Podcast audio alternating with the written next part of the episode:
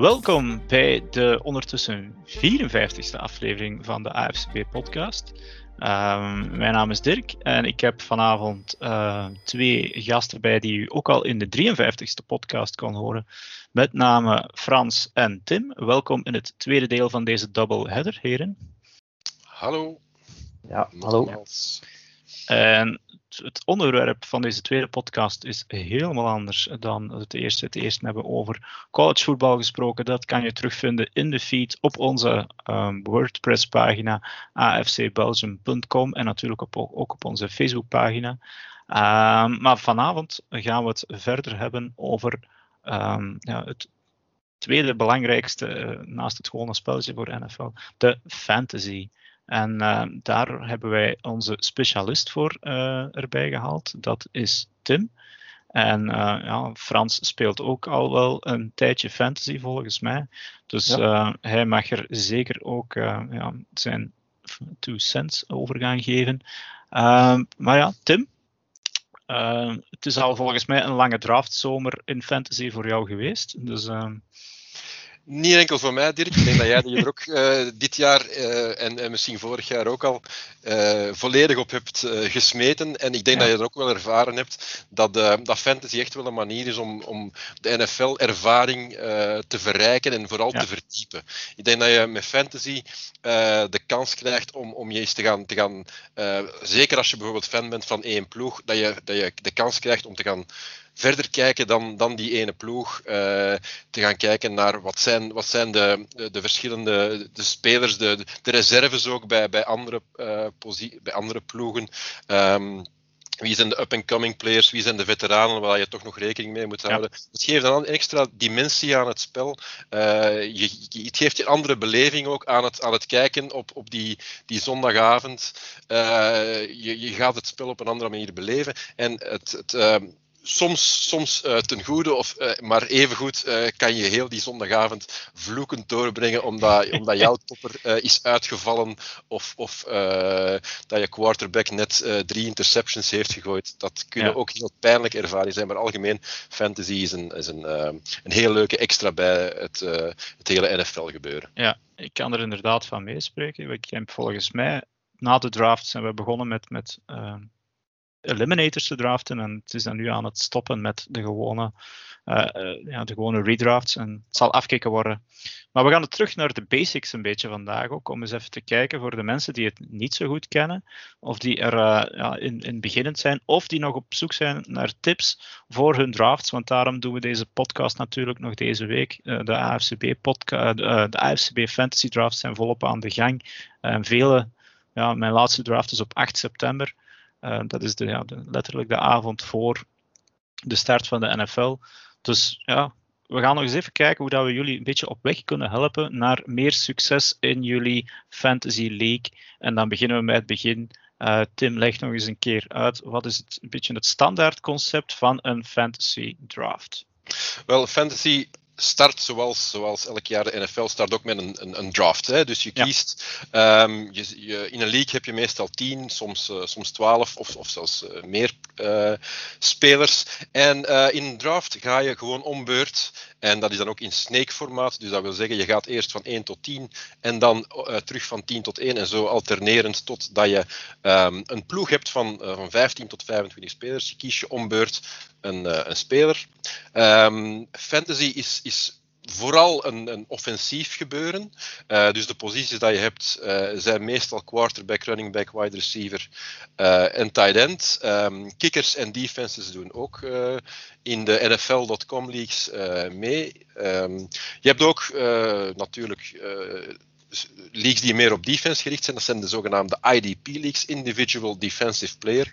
Dat is ja. meer voor de hardcore spelers. Die hards, inderdaad. Ja, um, dat is iets waar ik mezelf ook niet echt heel veel in, in meng, omdat het uh, echt wel een, een extra uh, extra uh, hoeveelheid onderzoek vergt die, uh, die behoorlijk, uh, behoorlijk zwaar kan doorwegen.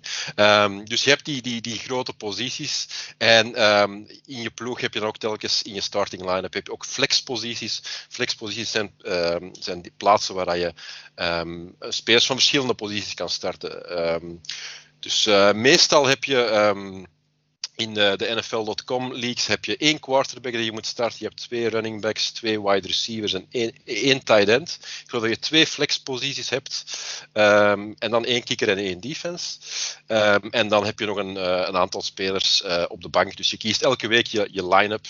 Um, uit de, de spelers in je ploeg. Ja. Je hebt ook elke week de mogelijkheid om nieuwe spelers te gaan, te gaan oppikken. Dat heet dan uh, de waiver wire die dat je moet, uh, moet gaan werken. Dus iedere, elke speler die niet gekozen is in die draft staat op de waiver wire en is er beschikbaar om, uh, om opgepikt te worden. Ja. Hoe worden die, die punten gescoord eigenlijk, die je dan elke week ja, jouw winst of verlies opleveren? Wel, de, de grote manier om punten te scoren is zoals in de NFL, dat is met touchdowns. Dat is de standaard. En, en ik uh, heb begrepen dat, uh, misschien kan Frans dat, dat bevestigen, ik weet niet hoe lang dat jij al tussen in het fantasy gebeuren zit, maar vroeger uh, waren er touchdown-only leagues, dus dan scoor je enkel punten met, met touchdowns. Ehm, dat maar moet, ik weet dat men af en toe natuurlijk op deze podcast men, men mee wil dateren, maar ik speel al fantasy van ergens in de jaren 90. En vroeger was het zo dat je dan een papier had en je ging dat papier invullen. Dan moet je dat opsturen naar iemand. En ik wil dat is nog pre-computer. Pre dus eh, ja, inderdaad, er, er zijn momenten ja. geweest dat, dat dat fantasy nog tamelijk uh, basic was. Maar door ja, computers en internet is dat natuurlijk volledig veranderd en uh, was allemaal ja. live. Ja.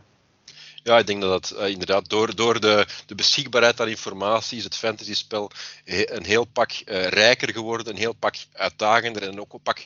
Uh, het is ook pak belangrijker geworden dat je het nieuws goed opvolgt. Er zijn heel veel. elke dag komen er wel belangrijke berichten naar voren waar dat je, die een impact gaan hebben op, op fantasy. Dus het is ook wel, als je het serieus wil doen, uh, is het ook belangrijk dat je het nieuws goed blijft opvolgen en dat je um, daarop ook reageert. Um, ja. Maar goed, we hebben dus de punten, de touchdowns uh, allereerst, maar uh, ook al heel lang kan je punten verdienen met, uh, door yards te halen van je spelers, dus passing yards, running yards, receiving yards. Um, dat was heel lang, uh, die twee samen vormden het, het, concept standard scoring. Is heel lang het, het uh, formaat geweest waarop dat de meeste leagues functioneerden. Maar uh, nu ook al een aantal jaar, en nu ook de standaard op NFL.com, is dat er ook catches worden, worden meegeteld. Dat is zogezegde PPR-systeem, point per reception. Dus dat je je spelers ook een, een punt of een half punt krijgen per, per catch die ze maken. Uh, en, en, daarmee, uh, dat is in feite een grote um, equalizer geweest. Uh, die, die heeft het speelveld voor verschillende posities een beetje gelijk gebracht. Vroeger ja. had je de running backs die heel dominant waren en, en heel veel punten scoorden. Dus zonder een goede running back was je a priori bijna verloren. Maar die catches hebben ook de, uh, de receivers uh, een pak interessanter gemaakt. En uh, nu kan je, heb je echt verschillende different paths to, to, to, victory. Dus je kan echt je strategie bepalen in functie van de manier waarop dat je, de manier dat je zelf wil. Um, en, en, en zo, dat maakt het spel ook een heel pak, ja. een heel pak interessanter voor wie het uh, nog niet weet of niet gezien heeft, wij hebben gisteren met onze AFCB-redactie ook een, uh, een, draft gedaan van onze NFL, de uh, AFCB Editors League. En daar, daar kan je ook herbekijken op onze pagina. En daar kan je ook die verschillende strategieën misschien al een beetje gaan bekijken. ik denk dat het Frans was die heel fel op receivers heeft ingezet. En dat er dan weer anderen zijn die in het begin fel op running back gegaan zijn. Uh, dus daar zie je al een beetje van ja, wie kiest welke strategie. Maar die PPR, points per reception, zijn inderdaad wel belangrijk.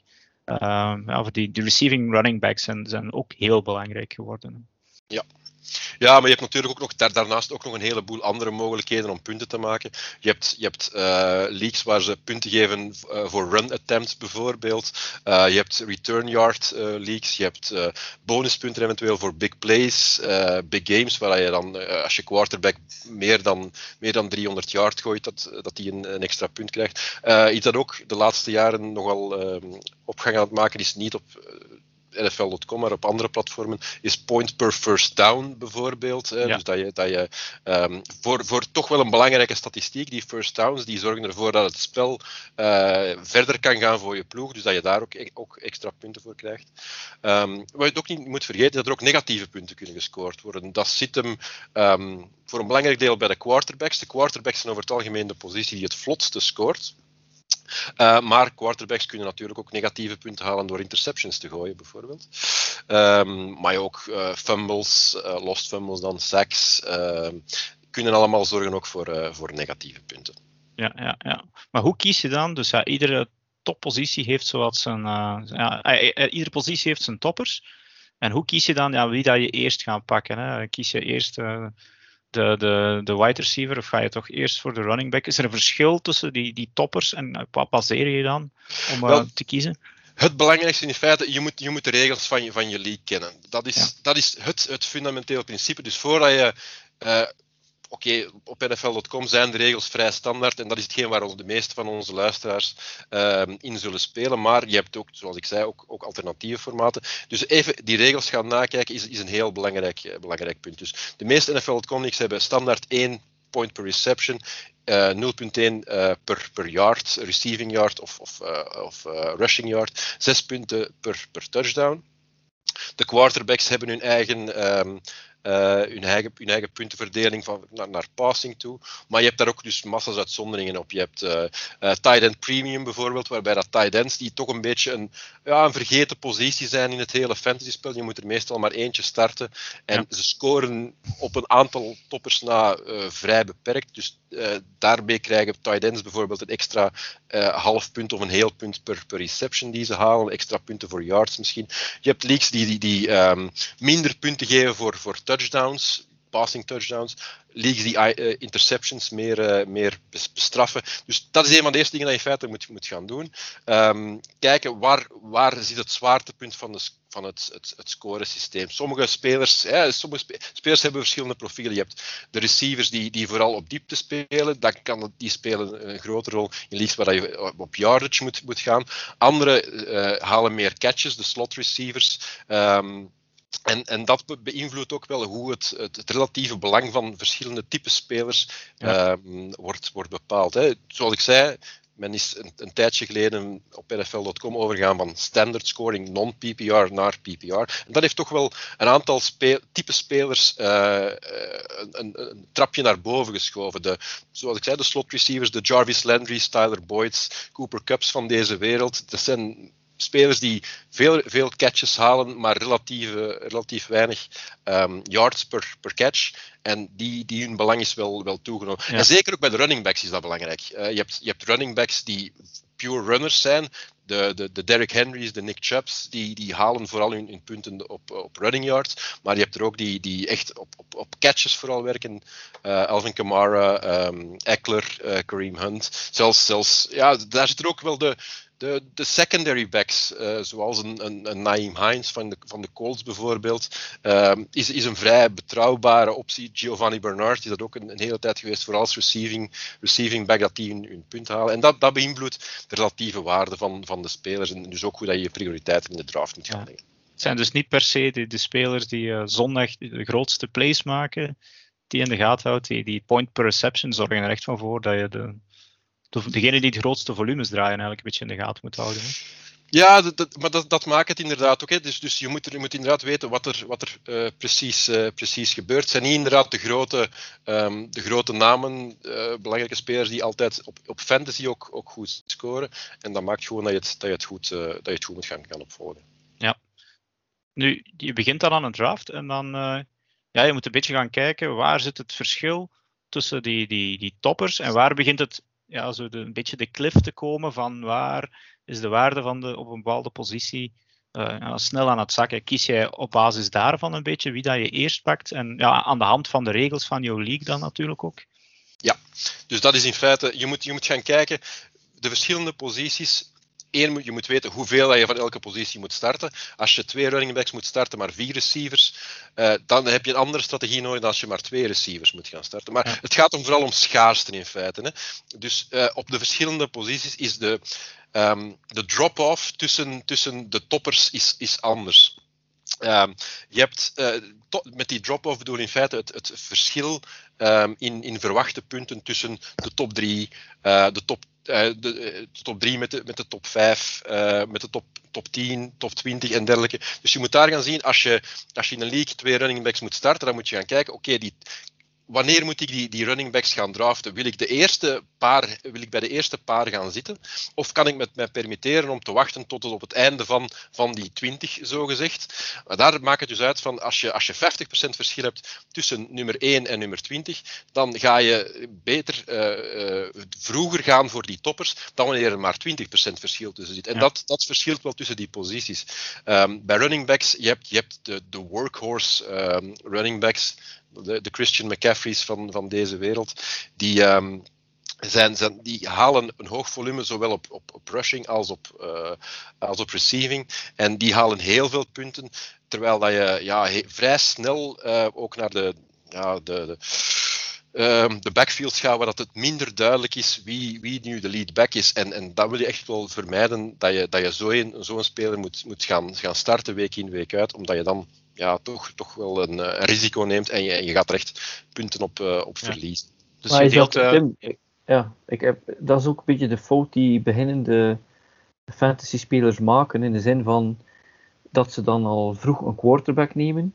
Terwijl wij natuurlijk na al die tijd weten, ja, er zijn misschien twee, drie top quarterbacks die heel veel scoren, maar er zijn er dan van de derde quarterback tot de dertiende, die hebben dan op het einde van het jaar allemaal een 30 punten verschil. En, en dan hoef je dus eigenlijk in die eerste ronde geen quarterback te nemen. En dat, dat is een verrassing die je dan maakt. Als je dat dan toch in die tweede, derde ronde doet, dan zie je plotseling dat die running backs of wide receiver die je wou ook weg zijn. Maar dan, dan, kijk je rond en zeg je, tja, hij heeft nog niemand een quarterback genomen. Bij Holmes of zo. He. Ja, dus, inderdaad, de, de, verschillen tussen de, de verschillen in die drop-offs tussen de verschillende posities, die kunnen echt wel, echt wel behoorlijk groot zijn. Dus je moet daar echt wel aandacht aan besteden. Uh, in sommige, ja, sommige, sommige posities, en dan vooral in, in, binnen de, de, de, de, running backs is dat verschil behoorlijk groot, ook omdat je daar meestal meerdere van moet starten. Binnen tight ends is dat in feite ook vrij groot. Daar heb je een top 3 tot 5 die dat vrij veel punten scoren. Um, en, en dan is er een behoorlijk sterke drop-off. Maar je hebt tussen tight end 5 of tight end 6 en tight end 20. Dat zal misschien maar één of twee punten op een week uh, gaan verschillen. Dus als je geen, geen top tight hebt, wacht er dan eventjes mee en, en ja. kies dan de, de, de, de top 5. Eh, ergens, ergens, ergens later kan je rustig nog eh, een, een, een speler oppikken die weinig uh, verschil gaat geven met een speler die dat je uh, vlak na die top 5 gaat oppikken. Ja. De zogenaamde great or late theorie van de tight ends. Dus inderdaad, als je geen uh, Travis Kelsey, geen Darren Waller of geen George Kittle kan nemen, wacht dan in je draft. Ja, tot, je, je, kan er eventueel nog Mark Andrews, die is ook vrij betrouwbaar, gaan ja. bijnemen. Want TJ Hawkinson wordt dit jaar, wordt dit jaar ook wel ja. een grotere rol toebedacht. En Kyle Pitts natuurlijk is de grote wildcard. Ja. Het is een, een, historisch gegeven dat rookie tight ends niet produceren in hun eerste jaar. Maar uh, heb jij hem al ergens durven nemen, Kyle Pitts, in ik een of andere draft? In IFFC heb ik, uh, heb ik Kyle Pitts Toch, ja. gekozen. En daar heb ik ook wel gezegd van dit is mijn anti-Timothy. want daar heb ik in feite allemaal spelers die, die ik zelden gekozen heb. Maar ja. ik wou ergens wel een Kyle Pitts share geworden, omdat die kerel heeft echt het potentieel om een, om een, een gamechanger te zijn. En, en dan wil je er toch wel ergens iets van, uh, van hebben. Ja. Maar vooral natuurlijk vanuit het... Um, en dan kan ik misschien nog even twee, twee concepten tegenover elkaar gaan uitzetten.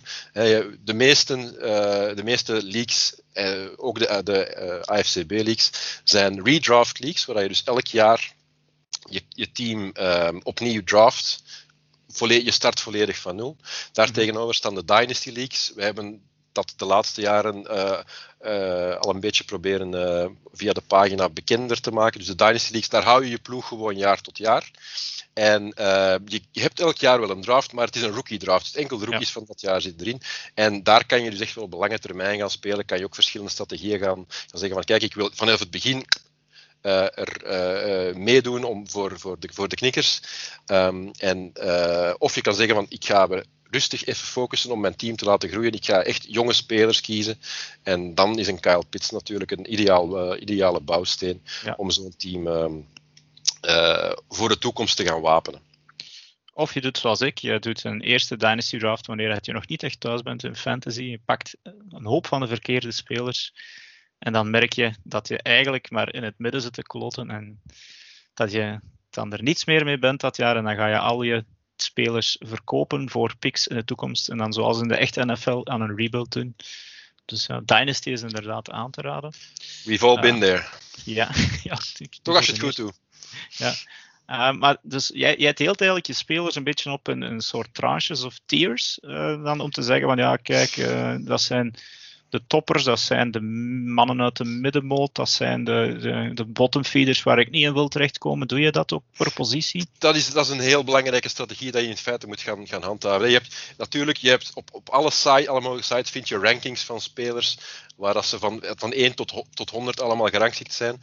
Maar op zich maakt het, de, de, de relatieve ranking maakt niet uit. Wat, wat inderdaad belangrijk is, zijn die tranches, die, die groepen, die tiers van gelijkaardige spelers. Dat zijn vaak spelers van een gelijkaardig profiel. Je hebt daar, ja. uh, de, de, uh, bij de running backs heb je, de toppers zijn de, de mannen die zowel uh, de de passen vangen als, als de, de rushing uh, doen. Daaronder heb je de pure rushers. Je hebt dan um, verschillende profielen die erachter komen. Maar in feite, maak het uh, naar, naar draftstrategie. Kan je best um, proberen met die tiers te gaan werken en dan rekenen dat je uh, ziet van, oké, okay, ik ga proberen van dat tier zeker één running back te gaan in mijn ja. team halen. Um, en, en dat maakt die feiten zelfs niet uit binnen dat tier welke, welke running back dat je haalt. Ze zijn ongeveer evenveel waard. En het is dus belangrijk om altijd, en dat is een, naar, naar draft toe, een heel belangrijke strategie. Hou je niet te veel uh, vast aan, aan, aan de namen. Iedereen heeft wel bepaalde favoriete spelers en die wil je dan in je ploeg. Zeker als je dan een favoriete ploeg hebt. Um, dan wil je die spelers ja. hebben. Maar naar fantasy winst toe, um, ja, wees daar flexibel in, wees daar wat losjes in en, en laat voor eventjes je, je, je, je fandom um, varen.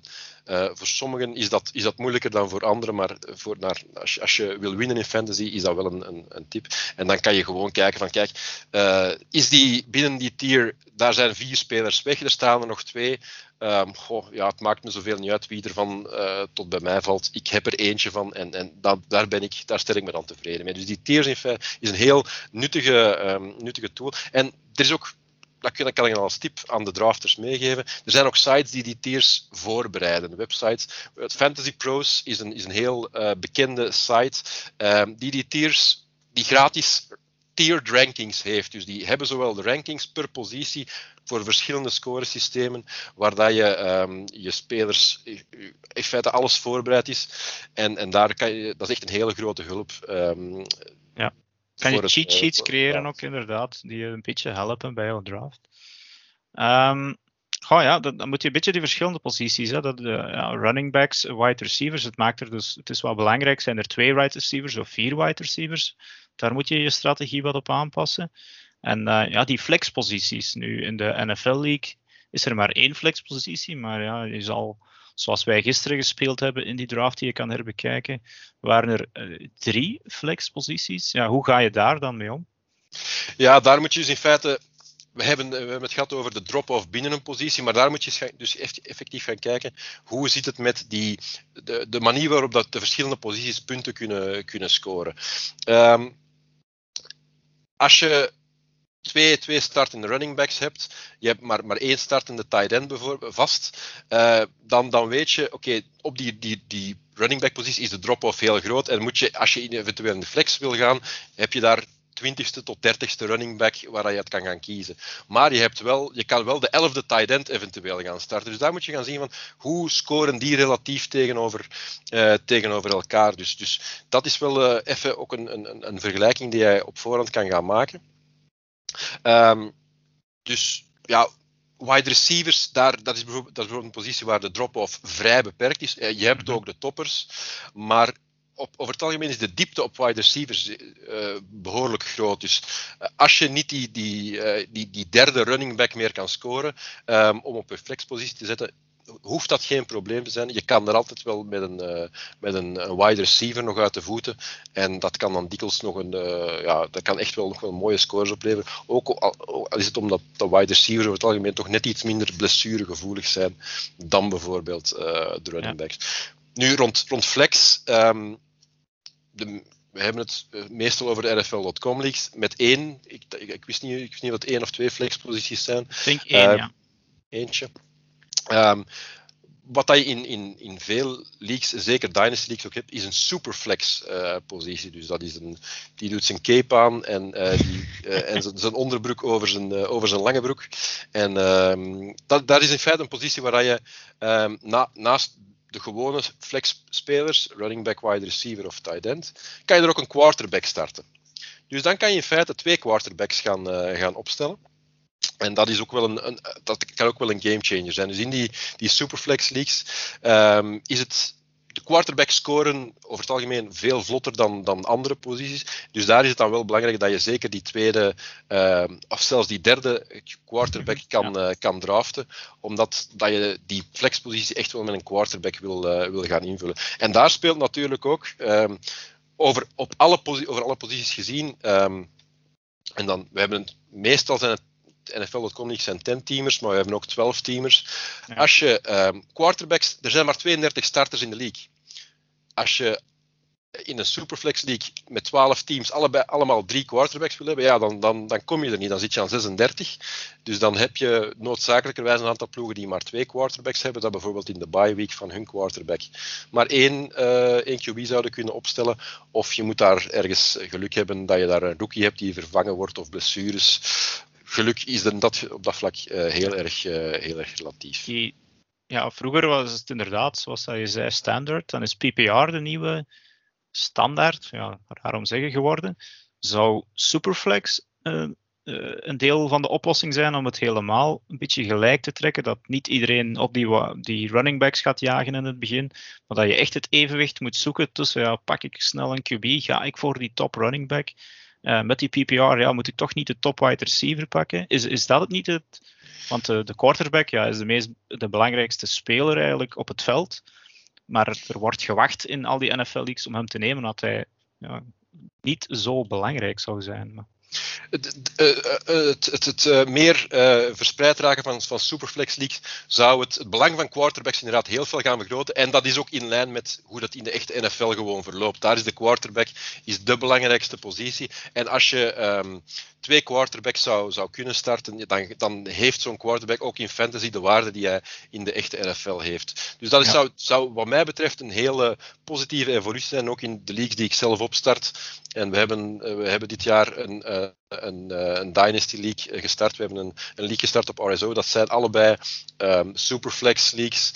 Dus waar je effectief wel die waarde van de quarterbacks um, uh, een heel, een heel heel veel naar omhoog gekrikt door, uh, door die, de tweede startable te maken. Ja, dat maakt het inderdaad ook spannend, want uh, dan, dan, zie je echt van ja, wie durft er wanneer al eentje pakken en ontstaat er een run. Dat is uh, ja, spannende belevenis. Nu, een, ja, iets dat er toch nog bij hoort en dat niet iedereen even grote fan van is, zijn de, de kickers en de, de defenses.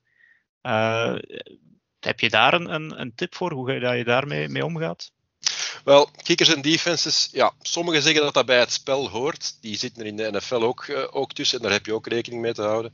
Maar um, ja, volgens anderen, waaronder, waaronder ik, is dat in feite een totale crapshoot. Je, je, je weet op, op één of twee spelers na, weet je dikwijls niet wat dat je over een heel seizoen gaat krijgen van, uh, van, die, van die posities. Uh, ook omdat ze vooral heel afhankelijk zijn van gamescript. gamescript. Van week tot week kan je, je kikker kan de ene week drie punten scoren en de andere week, de andere week twintig bij wijze van spreken. Dus het, het is heel moeilijk te voorspellen hoeveel ze gaan scoren moeilijk te voorspellen, misschien, misschien niet echt, maar de variatie, de variabiliteit van week tot week is gewoon heel erg, uh, heel erg groot. En dat maakt dat je, ja, um, in feite naar, naar draftstrategie toe is mijn, mijn, uh, mijn tip altijd om te wachten op die posities. Um, de toppers, ja, de, uh, een Justin Tucker, die zal, die zal wel zijn punten halen, vrij constant elke week, en zal wel bij die top 5 um, op het einde van het seizoen zal die, uh, zal die wel halen. Maar dat wil niet zeggen dat hij geen weken kan hebben waar hij, waar hij ook die, die twee of die drie punten gaat, gaat halen. Dus daarom is mijn strategie altijd om, om te wachten op die posities. Je kijkt die de, de laatste twee rondes om die posities te gaan draften. Of je kiest zelfs helemaal niet. Uh, het is perfect ja, mogelijk om zo'n... Ik, heb, ik, ik doe dat zo in, uh, in mijn leagues. Ik, ik kies gewoon geen kikker, geen uh, defense. Er zijn heel veel mensen die natuurlijk wel in paniek zijn en dat wel doen. Maar wat je dan natuurlijk hebt, is, is dat er negen kickers en negen defenses weg zijn. De meeste draften wel geen twee. Uh, maar dat is natuurlijk volledig in mijn voordeel. wat gebeurt er dan? Dan is het week 1. Iemand heeft een kikker genomen omdat hij die genomen heeft voor het jaar. En ik denk dat je als je fantasy speelt, speel je niet altijd voor het jaar, maar speel je per week. En dan heeft iedereen een kikker en een defense. Ik kijk gewoon welke defenses nou op de waiver staan, welke kikkers. Ik zeg, tja, dat is hier wel een defense die deze week, die, die kan gewoon dat andere team tot 10 punten houden. En dan, dan zie ik daar kikkers in waarvan ik weet, ja, uh, die, die, die, die offense die trekt gewoon op geen bal. Die gaan mogen blij zijn als ze drie field goals maken, maar als die die maakt, dan maakt hij die, wel. Dus ik, ik, denk dat ik soms op een seizoen vier, vijf defenses heb, of vier, vijf kickers. En ondertussen blijf ik mijn bench volhouden met spelers waarvan ik denk, die gaan op een bepaalde dag mij iets bijbrengen. Ja, ja klopt. Het nadeel is wel, ja, jij moet er dan voor de start van de eerste speeldag twee spelers cutten al direct. Hè. Dus, uh... ja, ja, dat moet ik doen. Maar het voordeel is dat ik nu kan wachten tot volgende week woensdag. Ja. Om werkelijk nog eens te zien van blessures, die, die er op mijn bench zitten, blessures, uh, die vliegen er dan af natuurlijk. Ja, en inderdaad, het niet draften van, van kickers of defenses is ook iets dat je a fortiori kan doen hoe verder dat je van het regular season afzit. Als je, als je twee dagen voor het seizoen um, start pas, pas gaat draften, ja, pak dan die kikker, maar zorg ervoor dat hij vooral goed gaat scoren in, in, in week 1. En na week 1 moet je erop rekenen, gooi hem op de waiver en probeer, probeer dan een andere op te pikken. Dus het is, het is inderdaad, ik, het is inderdaad een, een heel uh, zinvolle strategie om die kickers en, en die defenses uh, op de laagste prioriteit te zetten. En, en dat is ook de reden waarom ik vind dat ze zeker binnen het, Dynasty-concept absoluut geen, geen plaats hebben. Ja. En zelfs binnen, binnen uh, redraft. Liever kwijt aan Rijk. Moeilijk ja. mee, ja, ja, ja. Dus eigenlijk, je, je, kan, als je toch er iets mee wil gaan doen, oké, okay, maak dan bijvoorbeeld um, de punten die, die een kikker scoort, maak die afhankelijk van het, de, de, de, de, de kicks die jij, die jij maakt, uh, in functie van, van de lengte van de kick. Uh, dus geef, geef hem gewoon 0,1 punten per, per yard van de kick. In, uh, een beetje parallel met, met, met de running backs. Dus een, een kick van, van 15 yard, dat is alles anderhalf punt. Een kick van, van 55 yard, dat geef je 5,5 punten. Dat geeft een klein beetje wel, de, dat, gaat, gaat meer de kwaliteitsvolle kikkers, de goede kikkers, uh, extra waarde geven. En dat kan wel extra, um, een extra dimensie geven ook aan het spel. Ik heb ook nog een vraag, Tim. Tim, ik heb ook nog een vraag voor jou, een beetje rond strategie voor mij is dat natuurlijk een hele rare situatie. Heel lang al uh, fantasy doen, al 25 jaar. Bepaalde momenten zelfs, toevallig omdat je wat tijd had en het, werk dat je had, heel dieper in. Uh, magazines kopen en dan footballguys.com en football insiders en lezen en doen. En, en ik moet wel zeggen, hoe meer je weet, hoe meer kans je hebt om natuurlijk in die fantasy wel wat te slaan. En dan natuurlijk, ja, wij beheren elf leaks in, uh, met de AFCB pagina. Ik, ik doe er uh, een deel, uh, Alexander doet er ook een deel, wat er eigenlijk voor zorgt ja, dat ik het ook niet allemaal meer kan bijhouden. Maar voor mezelf heb ik dan de laatste jaren een beetje een strategie opgebouwd en ik wil eens weten wat je ervan denkt. Um, omdat ik natuurlijk niet zoveel tijd meer heb. Nu, een paar jaar geleden was het zo, in de eerste twee ronden, dat was altijd één running back en twee running back. Dat was zo'n beetje de trend. Nu, wat ik merk, eh, wat ik voor dit jaar gedaan heb, de laatste twee jaar, ik begin altijd met the best ability is availability.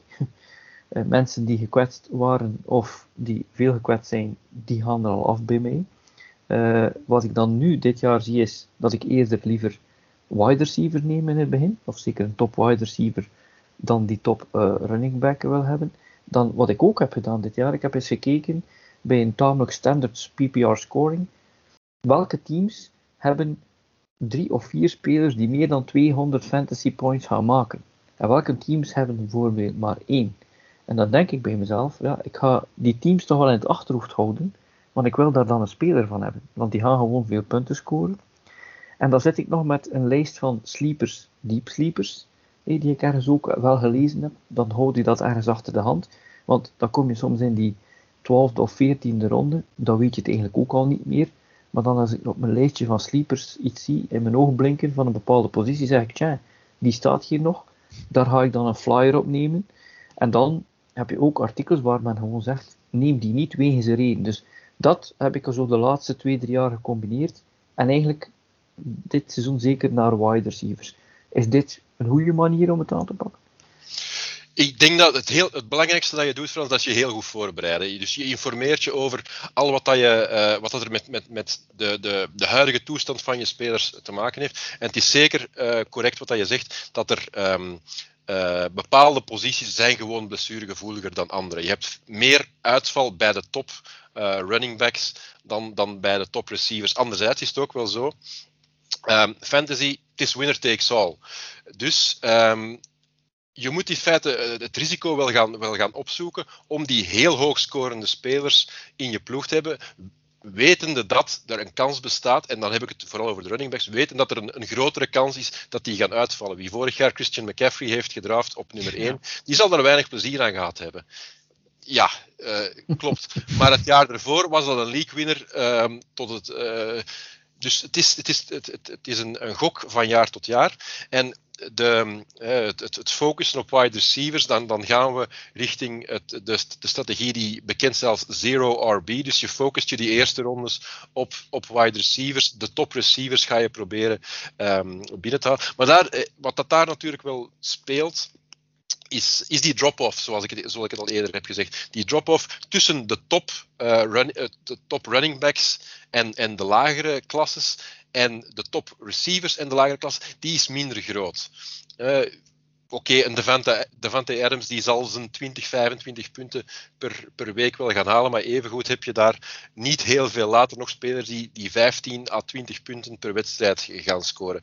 Terwijl als je, als je bij, uh, bij de running backs gaat kijken, ja, Delvin Cook zal 25 à 30 punten gaan halen, maar kijk eens een beetje uh, verder in die lijst en dan uh, ga ik er nu bijvoorbeeld um, een, een, een, Miles Sanders gaan bijhalen. Dat is al veel minder zeker dat hij dat elke week gaat halen. Gewoon omdat zijn coach uh, ja, die speler anders, uh, er anders mee gaat omgaan. een Mike Davis is ook een naam die in die, die, in die categorie dan valt van, van second, third tier running backs. Ja, dat is een, op zich een onbewezen. Die heeft vorig jaar wel, wel uh, vrij goed gespeeld. Zit nu bij Atlanta als, als running back 1, maar gaat hij daar nog, nog steeds potten breken? Uh, gaat hij een heel seizoen uh, überhaupt het volhouden? Want dat heeft hij nog nooit eerder gedaan. Dus op dat vlak is het een. Um, het gaat je een, een, bredere basis, een sterkere basis geven als je je focust op die receivers. Maar je riskeert dan wel om, om ergens te gaan stranden in de subtop. Terwijl dat de, de, de, spelers die, die zich richten op die hoog risicovolle uh, posities, die running backs, waar ze da, als ze dan gezond blijven, kan je daar wel extra hoog mee gaan scoren. Dus je moet in feite kijken van, ja, uh, hoe ziet het, als, als er een team is met die top running backs die gezond blijven, die gaan een grotere kans hebben dan. Maar je kan altijd die uitval hebben. Als er heel grote uitval is, ja, dan, dan, dan kan je wel met die, top, eh, met die zero-RB-strategie wel, wel gaan scoren. wat ik gemerkt heb natuurlijk, dat er natuurlijk meerdere zijn die dit doen. nee, dus, dus ik heb bijvoorbeeld positie 8 en dan weer 12. Ik neem twee wide receivers, maar blijkbaar hebben er nog twee, drie datzelfde idee. Dan daardoor nemen ze dus geen running backs, maar die, diegenen die al een running back hebben, die nemen dan zeker geen in die tweede ronde. En plotseling in de derde ronde is dan natuurlijk niet die top tier running back daar, maar iemand waarvan je denkt, ja, die zal toch wel de meeste carries krijgen in zijn team en die pik ik dan op en ja, zo, zo heb je dan ja, toch nog iets gered van je running back. Maar je hebt, je hebt die diepte gewoon. Die diepte is veel groter op running back dan, uh, of op wide receiver dan, dan ze op, uh, op running back is. En dat, dat maakt daar, daar het verschil. Iets dat ook wel hè, door bijvoorbeeld PPR wel voor een deel is, uh, is gecompenseerd, omdat je ook veel meer running backs hebt die wel op tot een bepaald niveau nog punten gaan scoren, maar de echte toppers blijven schaarser op running back dan op receiver. Ja. Het is toch ook zo, Tim, dat ze zeggen, als je een strategie in je hoofd hebt, doe dat op voorhand niet, want je moet uh, je aanpassen aan de draft. Frans die gaat zijn, zijn draft in met zero RB een beetje, want ik pak de, de goede wide receivers in het begin, maar anderen beginnen dat ook te doen. Dan moet je je toch, toch aanpassen, ook aan, aan de keuze die rondom jou vallen. Hè. Ja, en op dat vlak heeft Frans wel, wel gisteren, uh, moet ik hem toch een compliment geven, want uh, hij volgde de strategie when others zig, you zag. Dus, uh, pro, pro, probeer hem een beetje uh, contrair te zijn. Probeer een strategie te volgen die anderen niet volgen. Als je ziet dat inderdaad iedereen naar zero RB gaat, ja, dan, dan, dan, haalt daar, dan haal je daar ook de waarde niet uit. Um, als, je, als je vroeg quarterback gaat tegenover late round quarterback, dat kan je enkel doen als er als effectief de, de, de draft in die um, op, op, die manier uitdraait. Dus je moet constant zien van hoe, hoe reageren je leaguemates, welke strategie volgen zij en pas, pas jouw strategie uh, daaraan aan. Ja. Altijd flexibel zijn. Je hebt je, je, je, je, je tiered rankings en, en kijk daarin van oké, okay, het, het, draait zo uit. Ik ga, me nu, uh, ik ga me nu op die manier gaan aanpassen en ik, ik probeer er, uh, op de waarde gewoon te gaan uithalen. Ik probeer altijd die, die extra waardevolle spelers te gaan ja. vinden. Weet je wat ik wel sorry als ik mag zeggen, ja, wat ik wel ik ambetant vind bij die draft, dat is uh, dat ik niet goed genoeg het, dat het de tijd te kort is en niet goed genoeg het overzicht heb om uit te vogelen wat die twee, drie spelers voor mij gaan nemen. Dus ja, als je, ik heb natuurlijk computers, een groot computerscherm en ik kan dit en dat wel allemaal, maar dan denk ik of ik dit of die keuze. Maar in die drafts gaat dat zo snel dat je eigenlijk niet die drie teams die voor jou staan, heel nog, nog vlug eens naar, die, naar, die, uh, naar hun roster gaat kijken, om dat te zeggen, ah, maar die heeft nog geen dit, die zal dat, dus ik zal toch moeten, of die, die achter mij, je hebt er vijf achter je, die moeten nog een running back of wide receiver, daar heb je niet, niet altijd de tijd voor. En dat is dan echt wel die, die stress die je dan hebt. Maar daar gaan die tiers ook wel gaan helpen. Hè. Als je zegt van, kijk, er zitten nog drie spelers voor mij en ik heb hier nog een tier uh, van spelers, dat bestaat uit nog vijf man. Ja, oké, ze, mogen er, ze mogen er drie uit die, tier pakken. Ik heb er nog altijd twee staan waaruit ik kan kiezen. Dat is de voorbereiding dat je dan, kan, dat je dan wel kan helpen. Ja. Een belangrijke groep van spelers, Tim, waar dat elk jaar, ja, we kennen de toppers die jaar na jaar terugkomen. Uh, maar elk jaar is er natuurlijk ook een, uh, een nieuwe lichting, de rookies. Moeilijk in te schatten. Hoe ga jij ermee om? Wel ja, um, rookies in fantasy is, is, is altijd een beetje een, een moeilijk verhaal veel mensen beginnen in feite eh, de NFL pas, pas weer te volgen bij het pre-season of zelfs wanneer het, het, regular season start. En dan missen ze heel vaak heel veel informatie. Wij volgen het allemaal heel intensief. Wij hebben de draft gevolgd. Wij weten waar iedereen is terechtgekomen. Wij kijken het pre-season. Wij zien van oké, wie speelt er met de starters? Wie speelt er pas, pas in het tweede kwart of, of in de tweede helft? Dus we hebben al een, al een idee. Maar um, het is ook wel zo, daar heb je heel grote verschillen per positie. Uh, we hebben het in de, uh, uh, de, de, vorige podcast eh, vermeld. Running backs die wil je graag die willen graag zo, zo vers, zo fris mogelijk ja. in de NFL terechtkomen, omdat ze, um, ja, ze hebben een groot risico op blessures, maar het is een, heel, een, positie die heel veel vereist van het, van het lichaam. En daar heb je, heb je rookie, uh, de rookie running backs, die scoren vaak wel heel, uh, heel goed in fantasy. Zijn vaak ook onbekend, maar ehm, daar, moet, daar kan je echt wel, echt wel punten mee scoren. Op, op, uh, op wide receiver en tight end is dat vaak een heel pak moeilijker. Wil niet zeggen dat er geen, geen uitzonderingen zijn. Uh, ik kan me nog het jaar herinneren dat Odell Beckham bijvoorbeeld um, rookie was. Uh, die is, heeft zijn eerste zes wedstrijden nauwelijks gespeeld door een blessure en was dan, was dan goed voor 20 à 30 punten per wedstrijd. Dus, dus als je de juiste kiest, uh, kan, kan dat wel, wel goed uitdraaien. Hetzelfde jaar hadden we Sammy Watkins, uh, die niet of nauwelijks heeft gepresteerd zijn eerste jaar, ondanks heel hoge verwachtingen. Dus het, het, het kan verschillen van jaar tot jaar. Je moet er wat geluk mee hebben. Over het algemeen zeg ik, rookie running backs zijn, zijn zeker oké. Als je een beetje geduld hebt, rookie wide receivers zijn, zijn heel pak gevaarlijker. Um, rookie tight ends begin ik over het algemeen uh, niet aan. Um, dit jaar is Kyle Pitts uh, misschien de uitzondering die, die de regel gaat bevestigen, omdat dat ook ja, misschien meer zelfs een, een receiver is dan een, um, um, dan een echte tight end. Quarterbacks, ja, je, je, je, gaat met rookie quarterbacks, die hebben een, ook een soort ja, opwarmtijd uh, nodig, maar die gaan over het algemeen ja, ook op de, de, de rushing quarterbacks na hebben die meestal, um, gaan, dat, gaan dat niet de toppers zijn in hun eerste jaar, die, die moeten acclimatiseren.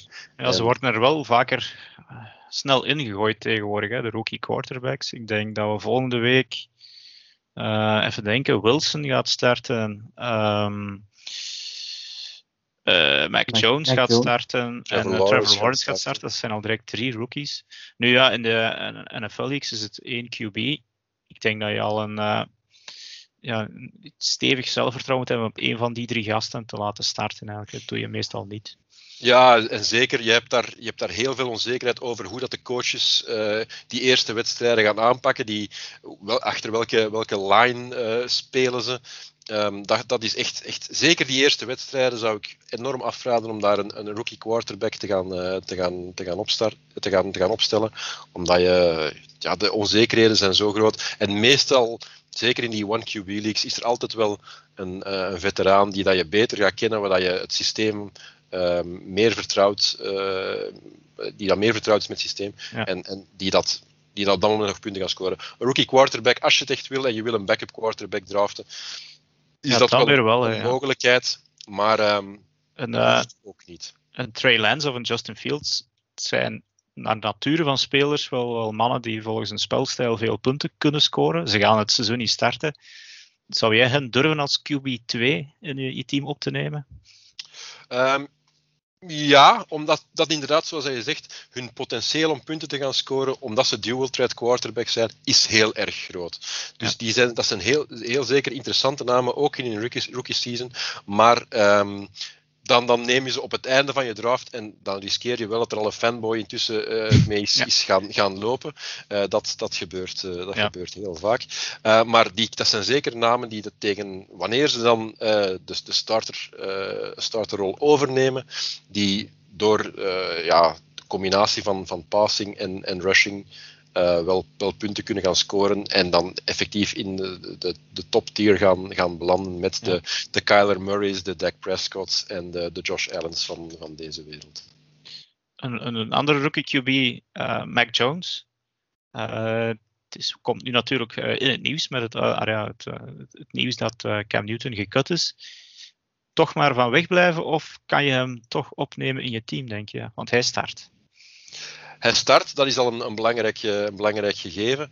Uh, maar het, het, uh, ik denk dat er, dat er meer dat, dat, dat, hij niet de moeite waard gaat zijn om te starten. Sowieso zal hij um, rookie quarterbacks mogen niet verbrand worden. Ik denk dat Bill Belichick er ook wel, wel weet dat hij voorzichtig zal moeten starten. New England is ook de laatste jaren een team dat heel veel leunt op, op de rushing, op de running game. Dus ik, ik vermoed dat Mac Jones heel um, rustig aan zal, zal starten. Hij zal zijn uh, beetje zijn, zijn, zijn, zijn, zijn voeten nog, nog moeten zoeken, zijn, zijn, zijn positie nog moeten zoeken. En die zal ongetwijfeld wel uh, degelijk spelen, maar nuttiger voor de ploeg dan voor je fantasy team. Ja. Dus ik zou zeggen, laat Mac Jones, wacht daar nog eventjes mee af. Die zal ook geen rushing uh, nee. points gaan, gaan, gaan scoren. Dat is niet um, zijn spelstijl, als een, een standbeeld. Um, ja, misschien dan nog een aantal uh, soort termen die uh, ook in, strategie, in jouw fantasy-strategie kunnen terugkomen. Je had het er straks al over de workhorse running backs. Uh, maar je hebt ook de running back committees. En uh, kan je daar een stukje uitleg over geven? En of dat je daarvoor, ja, hoe moet je daarmee omgaan? Wel, je hebt um, een aantal um, teams hebben een, een duidelijke RB1. Christian okay. McCaffrey bij de Panthers, Zeke Elliott bij de Cowboys, Delvin Cook bij de, uh, bij de Vikings. Dat zijn, dat zijn duidelijke starters die dat op, op, op zich die spelen all three downs, zowel de, zowel de, de rushing als de passing downs. Die komen niet van het veld. En in feite enkel een blessure gaat hen ooit um, uh, dwingen om minder te gaan spelen. Maar je hebt evengoed een aantal teams die het, het running, back, running back by committee principe gaan, gaan hanteren omwille van ja, redenen van, van kwaliteit, ook omwille van redenen van, van principe gewoon. Um, en dan denk ik aan teams zoals, zoals San Francisco, um, dit jaar ook, ook uh, de Raiders. Uh, San Francisco is Mostert, uh, de, dat is een drafted free agent die een aantal heel indrukwekkende matchen heeft gespeeld. ook heel gemakkelijk geblesseerd geraakt. Hebben ze Trey Sermon dit jaar, dit jaar gedraft. Ze hebben Jeff Wilson de laatste jaren mee, meegespeeld. Dus het is een heel, heel onduidelijk wat dat daaruit gaat komen. Uh, Las Vegas had met Josh Jacobs een duidelijke RB1, maar daar is dit jaar Kenyon Drake van de, van de Cardinals uh, naartoe gegaan. En dat is dus ook wel iets, iets onduidelijker hoe daar die rolverdeling gaat zijn. Uh, bij de Rams, de Patriots is, is, een, is een klassieker inderdaad. Ja. Um, daar is net Sony Michel van, van naar de Rams getreden. Michel was ooit een, een, first round pick en moest ooit die workhorse worden, maar is, het dat, is dat uiteindelijk niet echt daar is nu Damian Harris, uh, de, de naam die je zo, zo gezegd moet starten. Maar met de Patriots running backs moet je altijd heel erg voorzichtig zijn, omdat je ook niet weet van week tot week wat dat gaat, gaat geven. Als je toch iemand uh, daar uit dat, uit dat backfield wil, ja, dan heb je James White nog altijd, die de, de passcatcher is, die meestal niet de hoge uitschieters gaat, gaat, gaat halen, maar wel een degelijke floor, uh, floor play is. Um, ja, de Rams had ik al aangehaald toen nu Cam Akers, die dat daar de workhorse moest worden, is uitgevallen, is het daar Daryl Henderson, is het Sony Michel. Uh, daar zijn nog een aantal uh, jonge spelers, uh, al dan niet geblesseerd, die dat daar ook nog, nog achter hangen. in Houston is het heel onduidelijk of het nu Mark Ingram, David Johnson, Philip Lindsay zou worden. Bij de Jets hebben ze Michael Carter gedraft in ronde 4, die in de fantasy community wel wat, wat um, uh, bloemen naar zijn hoofd uh, krijgt gegooid zonder bloempot uh, eraan. Maar je hebt daar nog Tevin Coleman, je hebt daar nog Michael Pirine. Um, ja. Dus daar spelen zijn ook wel een aantal aan. Bij de Bills is het Josh Allen vooral die de rushing doet. de Bucks is ook een, ja, een belangrijk, belangrijk team waar je dan Leonard Fournette, ook ooit een workhorse, maar nu ja, toch ook, toch ook committee samen met Ronald Jones, met Giovanni Bernard. Dus moet je mee opletten, kan je zeker gaan kiezen. Maar dat zijn, dat zijn in feite bye-week fill-ins. Dus, dus daar moet je proberen. Reken er vooral niet te veel op dat je daar constante productie uit gaat krijgen. Let goed op de blessures. Door blessures kan daar bijvoorbeeld wel één speler naar, naar boven gaan komen. Maar zou ik zeker vermijden om die uh, heel vroeg te gaan, uh, te gaan draften. Um, omdat daar, ja, de onzekerheid is daar gewoon te groot. En dat de verschillen van week tot week kunnen ook gewoon heel erg, uh, heel erg groot zijn. Een andere term, Tim, de handcuff. Je hebt hem volgens mij vorig jaar ook al eens uitgelegd, maar toch kan het belangrijk zijn. Leg nog eens uit wat een, een handcuff voor een running back juist is. Ja, dus daar bij de, bij de committee zei ik het al net. Uh, je hebt um, de duidelijke workhorse running backs.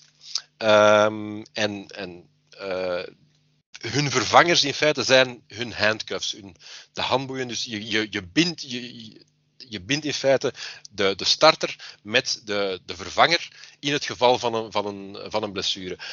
Dat werkt in een aantal gevallen wanneer het heel duidelijk is wie die vervanger is. Vorig jaar had Christian McCaffrey, is dat uiteindelijk, dat is uiteindelijk Mike Davis uh, geworden, maar dat was voor het seizoen helemaal niet duidelijk. Dit jaar is het wel vrij duidelijk dat dat Chuba Hubbard uh, zal, zal zijn. Ja. Bij de Cowboys heb je Zeke Elliott, waar dat Tony Pollard die rol over het algemeen uh, overneemt in geval van blessure. Delvin Cook is een, een heel degelijke, maar ook vrij frequent geblesseerde running back van de Vikings. En daar heeft Alexander Madison toch ook al wel in, in uh, uh, vervanging een aantal mooie dingen laten zien. Maar dat zijn er even goed ploegen waar dat je een duidelijke workhorse hebt, uh, maar de vervanging veel minder duidelijk ja. is. Als een committee dan dikwijls, als de, de workhorse wegvalt, Klopt. dan staan er drie man klaar. En... Ja, en, en dan denk ik aan namen als Saquon Barkley bij de Giants. Wie is uh, daar de. Daar is Devontae Booker, Booker, voor zover ik oh, weet, ja. is, is RB2. Maar wil je daarop rekenen als starter, dan moet het echt al heel erg gaan zijn.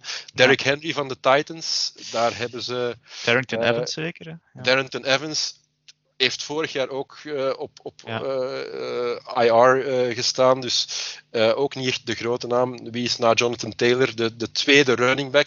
Naeem Hines is daar de pass-catching running back, maar is ook helemaal niet duidelijk. Dus je moet daar zien. Um, Marlon Mack, ik weet het niet. Ja. Marlon Mack is het misschien, ja, ook daar blessure, uh, blessure is, is maar dat zijn niet, ja, Het zijn niet de grote puntenpakkers. Hè. Je gaat het niet, niet hetzelfde aantal als de, de workhorse mee halen, inderdaad. Maar het geeft wel een beetje, zoals je zegt, een stukje veiligheid. Misschien als je een goede handcuff hebt. Ja. Uh, en, ja. Een ander deel dat je kan doen uh, is stacking. Dat hoor je dus soms. Uh, bouw je een stack. Raad jij het aan, stacks bouwen van de één quarterback en een wide receiver van hetzelfde team? Wel, zoals ik daarnet uh, in het uh, al, al aan Frans geantwoord heb, fantasy is een, is een spel van winner takes all. Dus je hebt maar één winnaar uiteindelijk en uiteindelijk ja, tweede plaats maakt niet uit, die is, die, is, die is vergeten.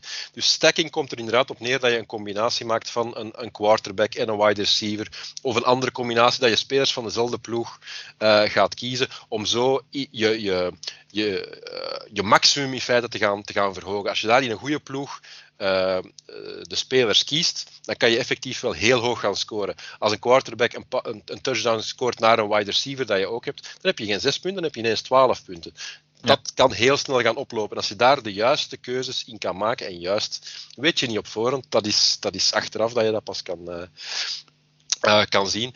Dus um, ja, op zich, als je de juiste stack kiest, hindsight 2020, dan, dan kan je daar. Uh, maar er zit toch, ook, er zit toch ook een soort logica in, hè? als je vermoedt dat een quarterback 45 touchdowns gaat gooien en heeft twee degelijke receivers in tight end, dan denk je, ja, wie gaat die 13, 14 touchdowns vangen? Wel, waarschijnlijk die kerel. Ja, dan, dan heb je die dubbelslag. Ja, als je Aaron Rodgers, Rodgers kan stekken met de Vante Adams, dan zit je waarschijnlijk vrij goed. Maar ik weet niet of er nog heel veel combo's zijn die, die zich op dat soort uh, succes kunnen gaan, uh, of succesverwachting kunnen gaan, gaan beroepen. Dus je moet je, je, als, je, als je de juiste kiest, dan heb je gelijk.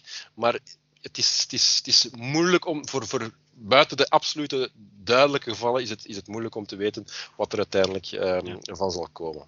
Misschien ook belangrijk, Tim, welke stack maak je best niet?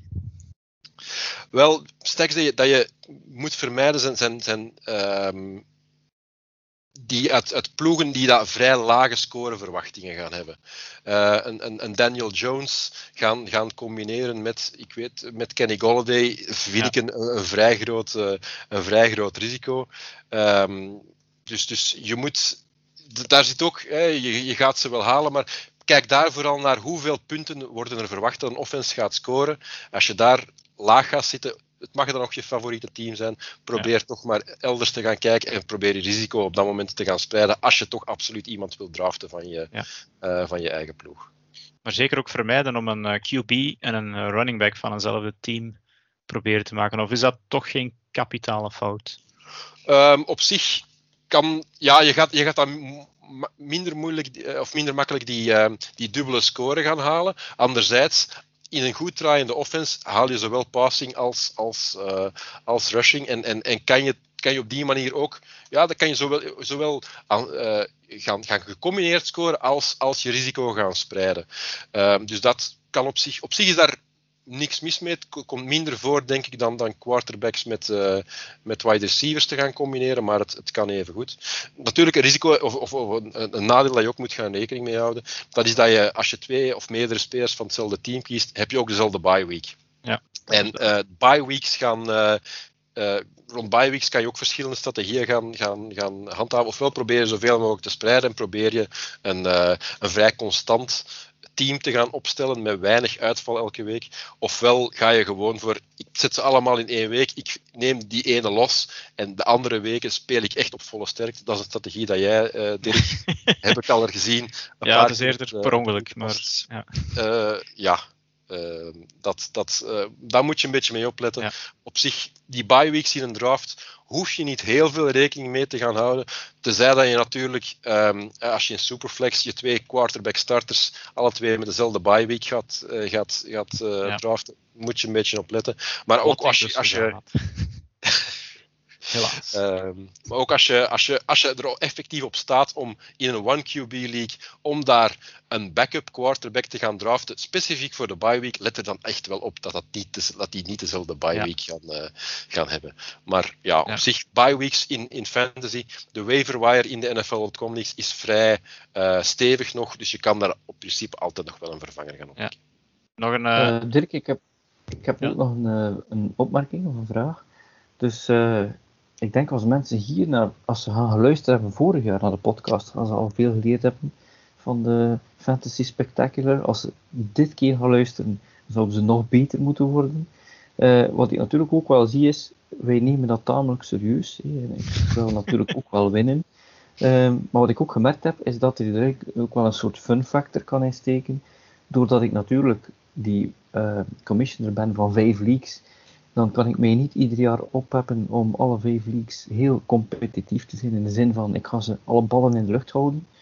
En dan raad ik ook mensen aan, als ze misschien in een tweede league zijn of zo, of, of in zijn jaar, er ook gewoon iets fun van te maken. Ik heb eens een league gehad waar ik alleen maar rookies had, wat totaal tegen alle uh, dingen is die je net gezegd hebt, of alleen maar spelers die ouder waren dan 33, hè, die de leeftijd van Jezus hadden overleefd. Ja. En nu dit jaar, ja, ik, ik, heb uh, vanavond een, draft gedaan. Ik heb de law firm, de law firm of Allen Johnson Jones uh, gedraft. En ik heb dus Josh Allen, Aaron Jones, Ronald Jones, Julio Jones, Keenan Allen, uh, Joan Johnson op tight end. Dan heb ik nog Marvin Jones, Daniel Jones, Mac Jones, David Johnson, dan nog twee Johnsons, C. Jones, D. People Jones en R. Seals Jones. En dat is ook natuurlijk je, leuk. Het team startte heel sterk, vond ik. Maar tegen het einde zat er de mot wel een beetje in. Ja, maar als die Mac Jones uh, doet, dan zou het nog kunnen ja, komen. Ja, misschien uh, ja, Marvin Jones vind ik bijvoorbeeld wel een beetje een, soort sleeper die bij de Lions mocht, mocht vertrekken. En die, nou ja, dat, dat is misschien een goede Jones moet er wel bij zijn in de draft, is er maar één dode vingers geglipt en dat was Deontay Johnson. Dat dus, is, uh, dat is ja. Dat, dat, is minder natuurlijk. Ja, dat is, dat ja inderdaad. Een, een, fun factor is belangrijk. Uh, als je dan fanatici hebt, zoals, en daar reken ik mezelf wel een beetje toe, en Tim misschien waarschijnlijk ook, die heeft nog, uh, nog een tip voor gevorderden achter de hand. Tim, zeg eens.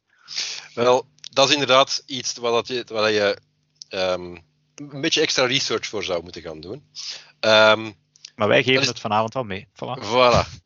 Uh, en dan nog kan je beter nog een beetje extra gaan, gaan nakijken.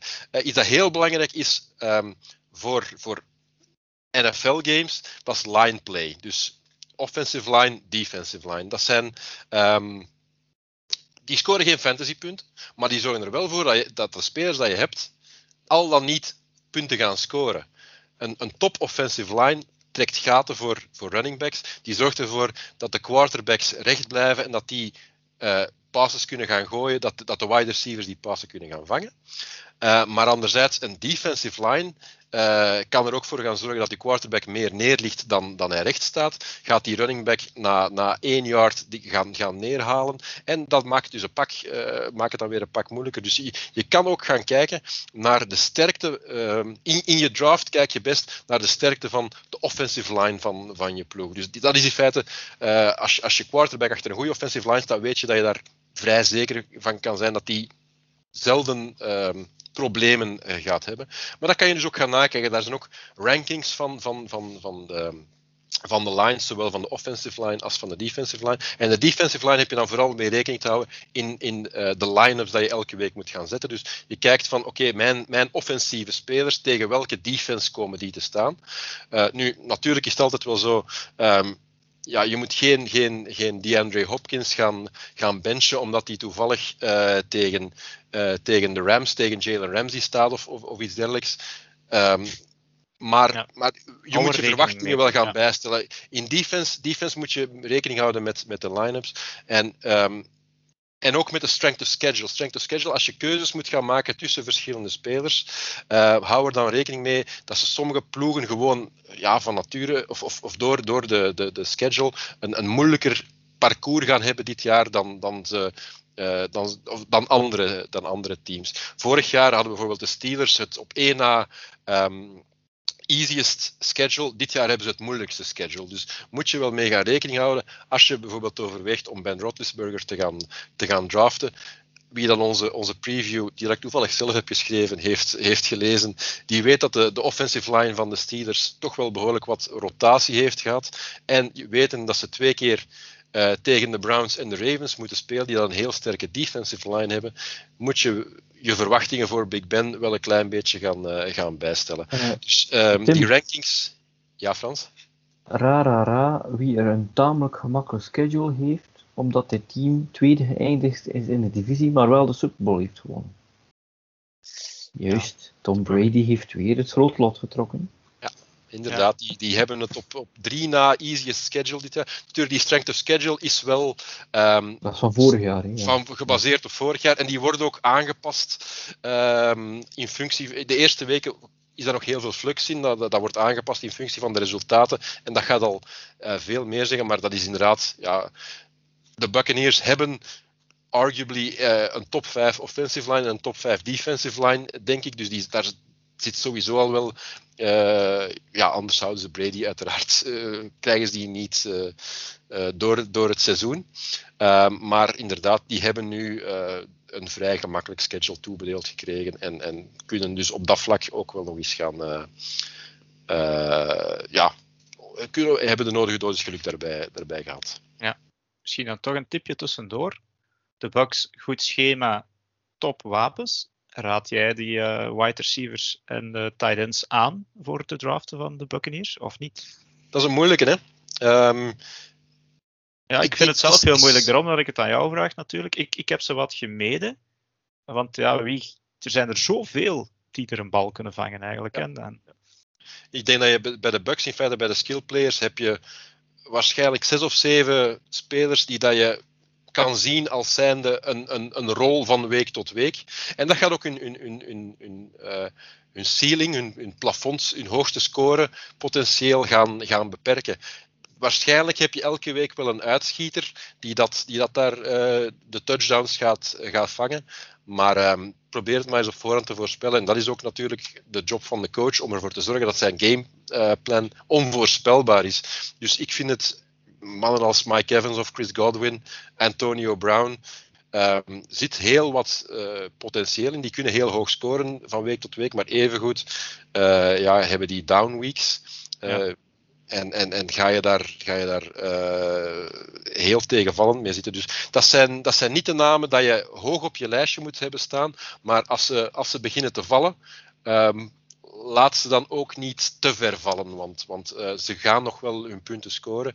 En ook met, met, met drie catches kan, kan Chris Godwin of kan Antonio Brown kunnen die wel degelijk stevige damage doen.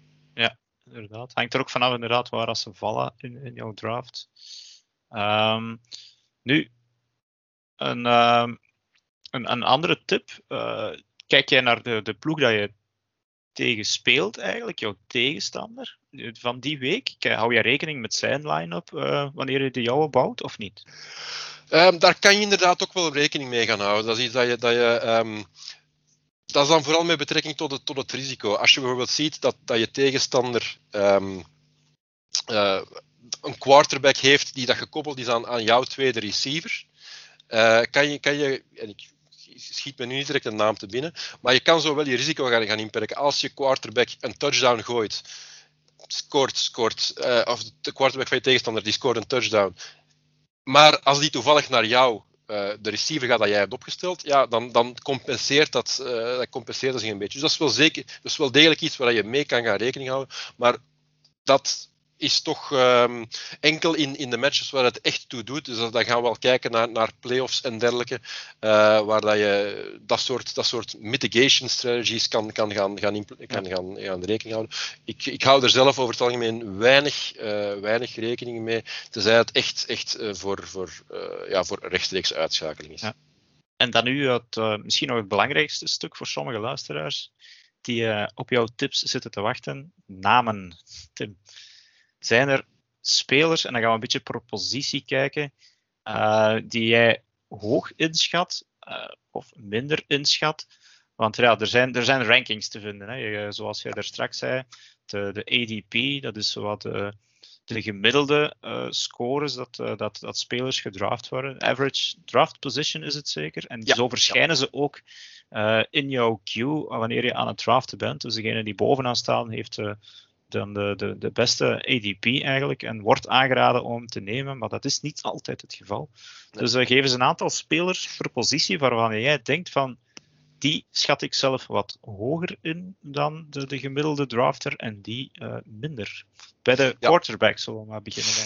Ja, daar heb ik uh, een aantal namen um, een aantal voor, zeker even de eerste voor de, is, is, is erg voor de hand liggend, maar uh, met Dak Prescott vermoed ik wel dat hij um, daar was vorig jaar had hij heel hoge verwachtingen, um, is geblesseerd geraakt. Maar als je ziet wat dat hij nu van, van receiving core heeft, uh, heeft nog altijd die rushing, die rushing upside. Dus ik denk dat Dak Prescott, ondanks het feit dat hij behoorlijk hoog uh, gerangschikt gaat, zal waarschijnlijk zesde of zevende quarterback ongeveer zijn. Denk ik wel dat hij echt een positieve uitschieter nog kan hebben. Um, en, en in die de top 3 kan, uh, kan gaan belanden. Ja. Um, een tweede naam waar ik, waar ik aan denk is de, de, de, de, uh, de nieuwe quarterback van, van de LA Rams, Matthew Stafford.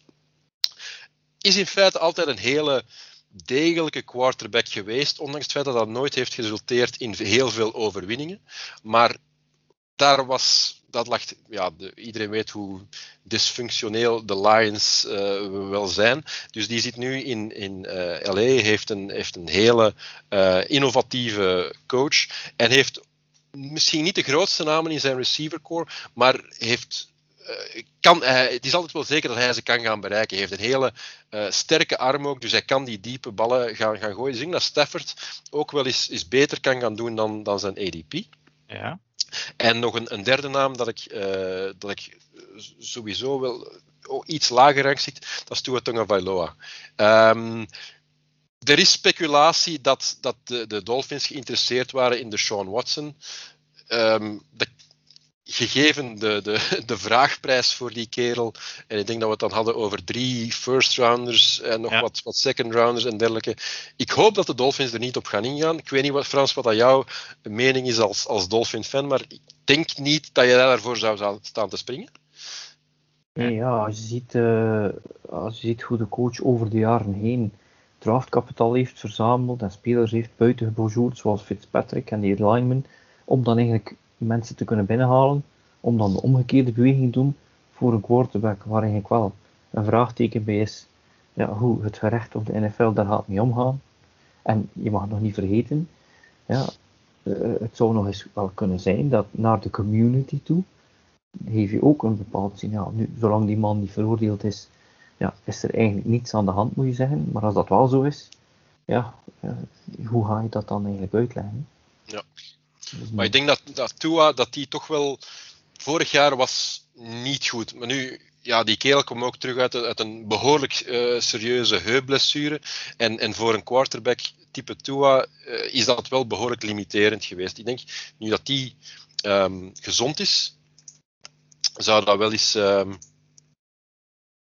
uh, zou dat wel, wel degelijk een, een, een hele goede uh, investering kunnen zijn van op de latere positie. Dat, dus dat hoeft niet noodzakelijk in de, in, in de One QB leagues te zijn, maar als streamer uh, in, in, kan dat wel degelijk een, een heel goede uh, investering zijn. En nog een wildcard dat ik er toch even bij de, bij de quarterbacks als positieve, potentieel positieve um, factor wil gaan, gaan, gaan noemen. Dat is toch James Winston is zeker dat die, die, die is intussen als, als starter uh, benoemd uh, bij, de, uh, bij de Saints. zijn ogen zijn gelezerd, dus in principe ziet hij zijn, zijn, zijn receivers nu wel degelijk goed lopen. En je moet niet vergeten, hij had zijn, zijn, zijn 30 touchdowns, hij had zijn 30 intercepties, maar hij had ook hij was ook wel NFL passing leader, dus uh, meer dan 5000 yards. Als hij de interceptions een beetje kan gaan beperken, denk ik wel dat hij uh, um, ja, toch, toch behoorlijk hoog kan gaan scoren tussen, uh, tussen de quarterbacks. Ja, dus hou rekening met de scoring rules in jouw league als je zo'n ja, uh, quarterback gaat draften. Want als er negatieve punten voor een interceptions, uh, zwaar negatieve punten zijn, ja, dan, dan, moet je het misschien toch maar mijden. Um, maar toch een paar goede tips, want Tua staat als uh, quarterback 21 in ADP en Winston als 23. Dus die worden normaal gezien niet gedraft. Dus als jij ze wil, liggen ze voor het grijpen. Uh, oftewel op het einde van je draft, fel op de waiver Matchup, matchup-based denk ik dat je die zeker, ja. uh, zeker wel een paar weken zou kunnen gaan starten. Okay. Van welke QB's blijf je weg? Ik ga, je gaat mij waarschijnlijk niet Jalen Hurts zien draften. Um, Jalen Hurts is, is een heel fantasyvriendelijke quarterback. Een, een, een, dual threat kan, kan effectief wel die, um, die punten gaan halen. Maar als je ziet wat uh, de, de, de Eagles hebben net uh, hebben heel lang gewacht om hem ook, ook uh, effectief starter te gaan noemen. Er is niet echt concurrentie voor. Oké, okay, ja, ze hebben nu net Gardner Minshew wel, ja. wel binnengehaald. We hebben daar een, een, een, grote fan van binnen, binnen de redactie. En het is in feite moeilijk om geen fan te zijn van, van die kerel. Maar, maar dan nog, ik, ik, ik vrees dat Jalen Hurts, ja, dat die misschien um, net als, als passer te beperkt is om, om uh, long-term succes te gaan hebben. En dat zou wel eens een van de QB's kunnen zijn die um, niet het einde van het seizoen als starter gaat, uh, gaat halen. En daarom zou ik er toch een beetje mee opletten. Uh, afwachten wat hij de eerste weken doet. Je kan hem zeker gaan oppikken, maar het is, het is een quarterback waar een behoorlijk risico aan gekoppeld is. Uh, binnen de dual threat quarterbacks is dat waarschijnlijk een van de laatste die ik zou, uh, zou overwegen. Een andere quarter, of twee andere quarterbacks waar ik ook mee zou, zou opletten zijn uh, Joe Burrow en uh, Ben Roethlisberger. Roethlisberger heb ik daar straks al aangehaald waarom dat je daarmee moet opletten. Zijn, die heeft zijn leeftijd niet meer. Oké, hij, is, hij is weet niet hoeveel kilo kwijtgespeeld. Is dat een heel pak scherper. Uh, maar leeftijd niet mee. Uh, heeft al een, een elleboogoperatie gehad aan zijn throwing arm. En, en de, de offensive line is absoluut compleet onbewezen. Mm -hmm. Dus, dus um, ja, mee opletten. En is ook in het verleden heeft zich al heel erg uh, volatiel getoond. De ene week gooi je vijf touchdowns, de andere week gooi je vijf interceptions. Dat is absoluut geen, uh, geen, uh, geen uitzondering. Um, Joe Burrow daarentegen. Um, ja, jonge blessure ook, hè, ja. Komt terug uit een heel zware blessure. Speelde degelijk. Um, maar is niet de dual threat quarterback, is vooral, vooral een passer. Speelt ook achter een very shaky uh, defensive line, to say the least. Um, uh, offensive line, ja. Uh, offensive line, inderdaad. speelt in een, wel in een divisie met sterke defensive lines. Ja. Zowel, zowel de, de, Steelers, de Browns als de Ravens hebben hele sterke defensive lines, dus daar speelde hij zes keer tegen. Um, Burrow ja, is een hele goede quarterback voor of, kan dat, of kan dat zijn, maar voor fantasy lijkt het me toch een beetje ja. uh, enig risico te dragen. Oké, okay, en dan de positie die, uh, die vrij vroeg getarget wordt altijd, de running backs. Uh, ja, welke mannen focus je erop? Zijn dat de paasvangers? En ja, welke running backs ja, blijf je van weg of dreigen van een klif te vallen? Um, je hebt de toppers, hè. ik bedoel, bedoel mannen als, als um, uh, als, als McCaffrey, Cook, die zijn, die zijn. Die, die, als je die kan, pak, kan nemen, neem je die. Uh, iets verderop, net buiten die top, uh, en ook in een offense die ja, in flux is, is Alvin Kamara. Alvin Kamara was vorig jaar top 2, top 3 running back. Ja. Is, staat bekend als pass, pass catching running back, dus meer als pass catcher dan als rusher ook ja, heeft vorig jaar wel de laatste, laatste wedstrijd haalde hij zes touchdowns, zes touchdowns ja. Dus die heeft was... sommige mensen een championship opgeleverd als hij die in je team had. Dus, uh... Ja, uh, klopt, denk ik wel. Maar ik um, denk dat die ook in die nieuwe offense echt wel uh, kan, kan gaan scoren.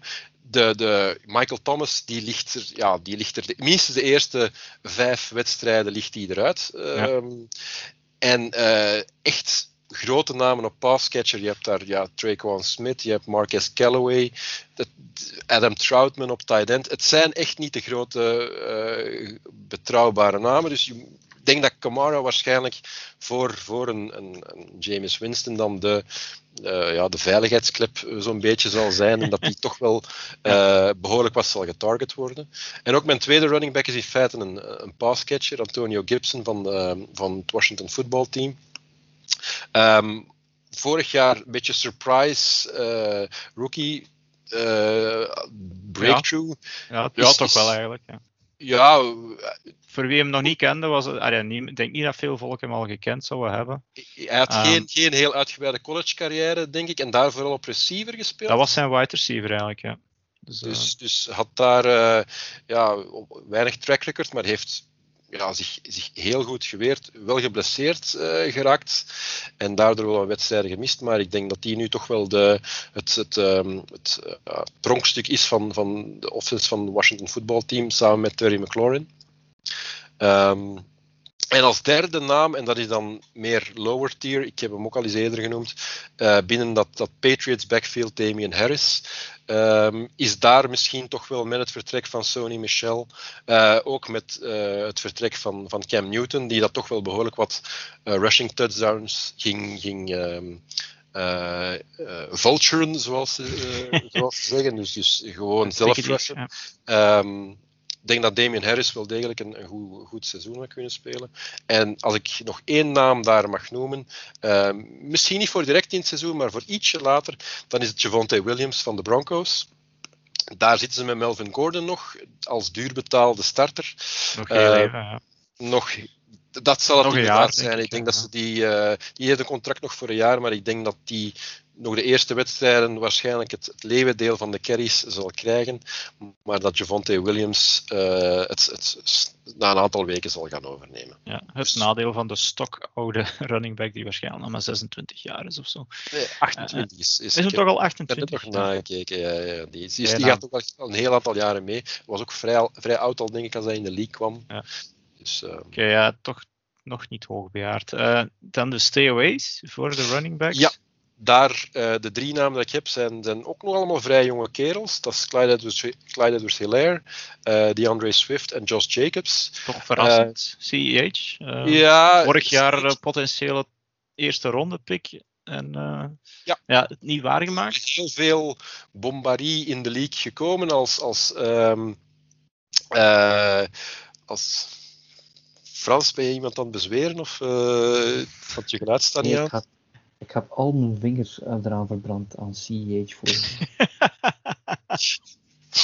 Ja, CH was, kwam echt, die, die eerste ronde pick van de Chiefs, dat moest hem gaan worden. Hè. De Chiefs waren, hadden geen echte running back en dit moest hem gewoon, gewoon worden. Maar die is toch een beetje door de mand gevallen. En ik zie in feite weinig reden om die dit jaar veel meer te gaan vertrouwen. Toch zeker als, als top, top running back denk dat die uh, nog altijd met nodig, nodig risico komt. Als je in de eerste ronde een receiver draft, dan is uh, Edward Hilaire misschien geen slechte uh, running back in, in ronde 2 of 3. Maar ik zou er toch heel erg voorzichtig mee zijn als je daarop rekent voor je, uh, om je punten te gaan, uh, te gaan, te gaan scoren. Die, die Chiefs uh, offense is gewoon zo flexibel. Die gaan echt alle kanten uit gaan draaien. En, en daar heeft ook ja, backup Daryl Williams, dacht ik, um, heeft toch ook wel een aantal mooie zaken laten zien in afwezigheid van, um, van, van CEH. Ondanks het feit dat hij bijna geen draft capital heeft. Dus, dus daar ja, toch wel een beetje mee opletten. Um, rond die Andre Swift, ja, daar draait die feite allemaal rond blessures. Die zit met een, met een, een lease-blessure die in feite heel het, uh, het pre-season al aan de kant heeft gehouden. Lease-blessures zijn notwaar lastig voor, uh, voor running backs. De, de offense van Detroit um, gaat niet veel punten scoren. Uh, ze hebben heel weinig targets, dus in die zin als hij speelt, als hij gezond is, zal hij wel de nodige punten, zal hij wel de nodige targets en, en, en catches uh, en, en runs gaan, gaan krijgen. Uh, dus het is echt op volume, als hij gezond blijft, kan je het gaan doen, maar ik zou er toch heel erg mee gaan opletten. Um, en, en zien, ja, je hebt daar backup Jamal Williams die overgekomen is van de, van de Packers, die zich toch ook wel behoorlijk um, uh, functioneel heeft getoond daar. Dus die zou wel eens een, ook een, een, eh, een, grote rol kunnen spelen. En het vertrouwen kunnen krijgen van die ploeg uh, vooral. Ja. Um, en dan, zoals ik zei, Josh Jacobs. Uh, ook al eerder vermeld dat ze daar nu in feite ook een running back by committee hebben. Um, met, um, uh, met Kenyon Drake. Uh, die dat toch bij de, bij de Cardinals een, een heel goed seizoen heeft gespeeld vorig jaar in welke mate Josh Jacobs was een, was een, een, een workhorse, uh, deed zowel de rushes als, als de, de, de, receptions. Maar gaat hij die receptions nu nog krijgen, is, is heel veel de vraag. Ik denk ook dat de, de offensive line van de, van de Raiders er een beetje op is achteruit gegaan. Um, dus daar, ga je toch wel, uh, uh, daar zit ook wel enig risico aan. En nog een, ja, ja de, de, de top rookie running back van dit jaar, Najee Harris, zou ik er ook enigszins voorzichtig mee zijn. Die gaat sowieso volume krijgen. Je zal heel veel um, uh, rushing opportunities krijgen. Kan ook de ballen vangen, maar daar moet je toch vooral op letten. Um, ja, die offensive line ja. is, is echt niet wat dat ze moet zijn. Uh, gaat hij de tijd krijgen om, om zijn, zijn runs te, te, op te zetten? Daardoor denk ik dat je er toch een beetje mee moet opletten. Ja. Hij gaat inderdaad wel dat volume krijgen. Hè? Dus uh, wat kan er mislopen, denk je dan? Maar oppassen inderdaad met die shaky O-line. De ballenvangers dan? Uh, wide receivers om aan te raden? Ja, eerste naam uh, waar ik meteen aan denk, die iets minder obvious is misschien, is, uh, is Calvin Ridley van de Falcons. Ja. Um, Julio, Jo- Julio Jones is, de- is daar weg. Ehm, dus Ridley, die zich al behoorlijk ehm, betrouwbaar heeft getoond, die ehm, eh, wordt daar nu optie 1. En eh, Matt Ryan blijft een, een ja, geen spectaculaire, maar wel een degelijke quarterback. En eh, dus Ridley zal wel degelijk nu het volume gaan, gaan krijgen. Ehm, als tweede eh, denk ik dat ik Allen Robinson moet gaan noemen. Is al jaren een hele ehm goede eh, wide receiver, maar heeft de pech gehad van nog nooit met een, een, een, een quarterback te spelen die naam, eh, die naam waardig. Na Blake Bortles eh, is er naar Mitchell Trubisky gegaan. En ja, dus, dus die krijgt nu waarschijnlijk de eerste weken nog Andy Dalton. En daarna hopelijk Justin Fields. Maar ik denk dat zowel Dalton als Fields een upgrade zijn over de quarterbacks waar hij tot nu toe heeft mee moeten werken. Dus Allen Robinson verwacht ik wel het nodige van dit jaar. Ehm, iets, lower in, eh, iets lager in de rankings ehm, ga ik naar Corey Davis, van eh, de Ja. nieuwe signing wide receiver one van de Jets. Een chat Eh, bij de toppers, zowaar. Ja, toch? Ja, toppers. Ik, ik denk vooral dat hij de mogelijkheid heeft om zijn IDP te, te gaan overstijgen. Ehm, je, je hebt in, in pre-season gezien dat hij de, de, eh, een favoriet target is van Zach Wilson. Dus dat zou wel degelijk, eh, dat gaat daar wel degelijk een, een, een, eh, goede connectie worden. En ja, je moet niet vergeten, het blijft. Oké, hij is aan zijn tweede team toe en, en het begin van zijn carrière was niet heel erg succesvol, maar het blijft toch wel een top, een top 10 pick. En ik denk dat die toch in, in Ja. die offense van, van, van de Jets, de nieuwe, eh, onder het nieuwe coaching regime, dat die toch wel degelijk iets kan gaan doen. En als ik nog twee namen daar, eh, wildcards, een beetje mag geven, dan moet ik Michael Pittman eh, nog noemen van de Colts. Daar is T.Y. Hilton net, net uitgevallen. Pittman is ja, voor- verwacht daar als, als, als wide receiver 1 naar voren te komen. En die kan ook wel eens verrassend hoek komen. En ik ga nog een, een, een Texan noemen. Een chat en een Texan bij de top Ja. receivers. Dus dat wil zeggen, fantasy is niet hetzelfde als de echte NFL. Ja, ja, ja, ja. ja. Eh, dat is wel heel duidelijk. Als, als, er, als, er iets me nog, eh, als ik nog iets niet had duidelijk kunnen maken tot nu toe, dan is dat dat, dat real life en fantasy toch wel degelijk uit elkaar kunnen gaan. Maar Ja. Brandon Cooks ja, is, is de wide receiver one. Ehm, het, is, het zal waarschijnlijk van Tyrod Taylor zijn dat hij de ballen gaat moeten vangen, maar een wide receiver one, zelfs al is het in zo'n zo'n dysfunctionele offense, eh, waarschijnlijk op de positie waar dat je hem kan krijgen, eh, is Ja, die dus, kan dat echt wel een value pick eh, Ja. gaan worden. dus als iem- niemand hem nog genomen heeft en je zit in de laatste ronde, Brandon Cook staat er nog, pak hem toch maar gewoon maar. Ook al is het een shit team, ja, je gaat er sowieso punten mee halen, inderdaad. Hè. En dan weer de, de mannen, ja, misschien een paar namen die we toch verwachten als toppers, maar dat jij denkt van, pas er toch maar mee op. Ja, dat, dat is dan vooral inderdaad omdat ik denk dat ze het iets minder goed gaan doen dan, dan hun ADP eh, doet, doet eh, vermoeden. En ook omdat ze in het verleden vaak wel, wel hoog gescoord hebben, maar ja, toch iets. De verwachtingen gaan moeten bijgesteld worden. En het eerste dat ik wil noemen is DeAndre Hopkins. Eh, bij de Cardinals, oké, die heeft die, die overgang van de Texans naar de Cardinals heel goed verteerd. Eh, maar daar merk je toch wel dat, er, ehm, dat de, de, de Cardinals fel aan het investeren zijn geweest in die wide receiver eh, positie. Ja, En dat je- Moore, ja. Dat er toch wel concurrentie komt en dat ja, ehm, ja, Murray is ook een, een, een rushing quarterback. Dus ik, die, die, ik, ik vermoed dat Hopkins nog altijd top 5 zal zijn, maar hij zal misschien geen top 2, top 3 meer, Ja. eh, meer zijn. Dus misschien is dat toch niet de. eh, ga je daar toch iets minder punten van scoren Ja. dan dat je verwacht. Dus dat is toch wel een nuance. Hij is toch nog altijd die topper, ja, ja, de topper, inderdaad. Nee, ja. nee, nee. Dat, is, dat, is, dat is wel duidelijk. Het is echt gewoon tegenover ADP dat je het hier moet gaan kijken. Hetzelfde in feite voor AJ Brown, ehm, die, die nu bij de Titans gewoon concurrentie krijgt van, van Julio Jones. En, en daar eh, ja, eh, zal moeten delen.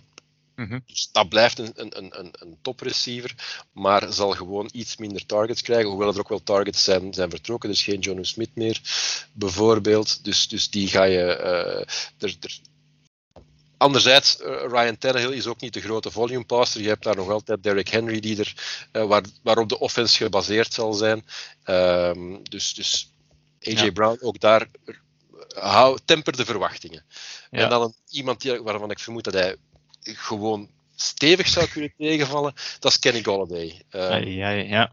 Toch, nieuwe receiver. top betaald in New. York. Maar, Die heeft het geld inderdaad gevolgd. Ehm, maar eh, ik vrees dat hij. ehm, hij was- gewoon van, Matthew Stafford te spelen, krijgt nu Daniel Jones. En ik vind dat dat, toch wel erg pijnlijk eh, een rough awakening gaat worden voor Golladay. Heeft ook al eh, tijd gemist met blessures. Dus was ooit een heel veelbelovende eh, ehm, receiver. Ehm, baby, baby Megatron, eh, of, of wat, was het? eh, Ja, als opvolger van, van Calvin Johnson. vrij pijnlijk om dat zo kreeg, te kreeg, hij ooit, kreeg hij ooit als bijnaam mee, maar ik, eh, ik vrees er een beetje Ja. voor dat zijn, zijn succes niet meer zal worden wat het ooit geweest is. Moest het tegenvallen, hij kan zich nog altijd in slaap huilen met zijn eh dollarbiljetten, die hij toch wel genoeg zal hebben. Eh, de laatste positie, eh, ja, iets minder belangrijk in de NFL-leagues, Eh, maar toch, ja, je kan er het verschil mee maken. Eh tight end. Ja. Ehm, enkele namen die jou ja, positief in de oren klinken dan? Ja, daar ga ik dus.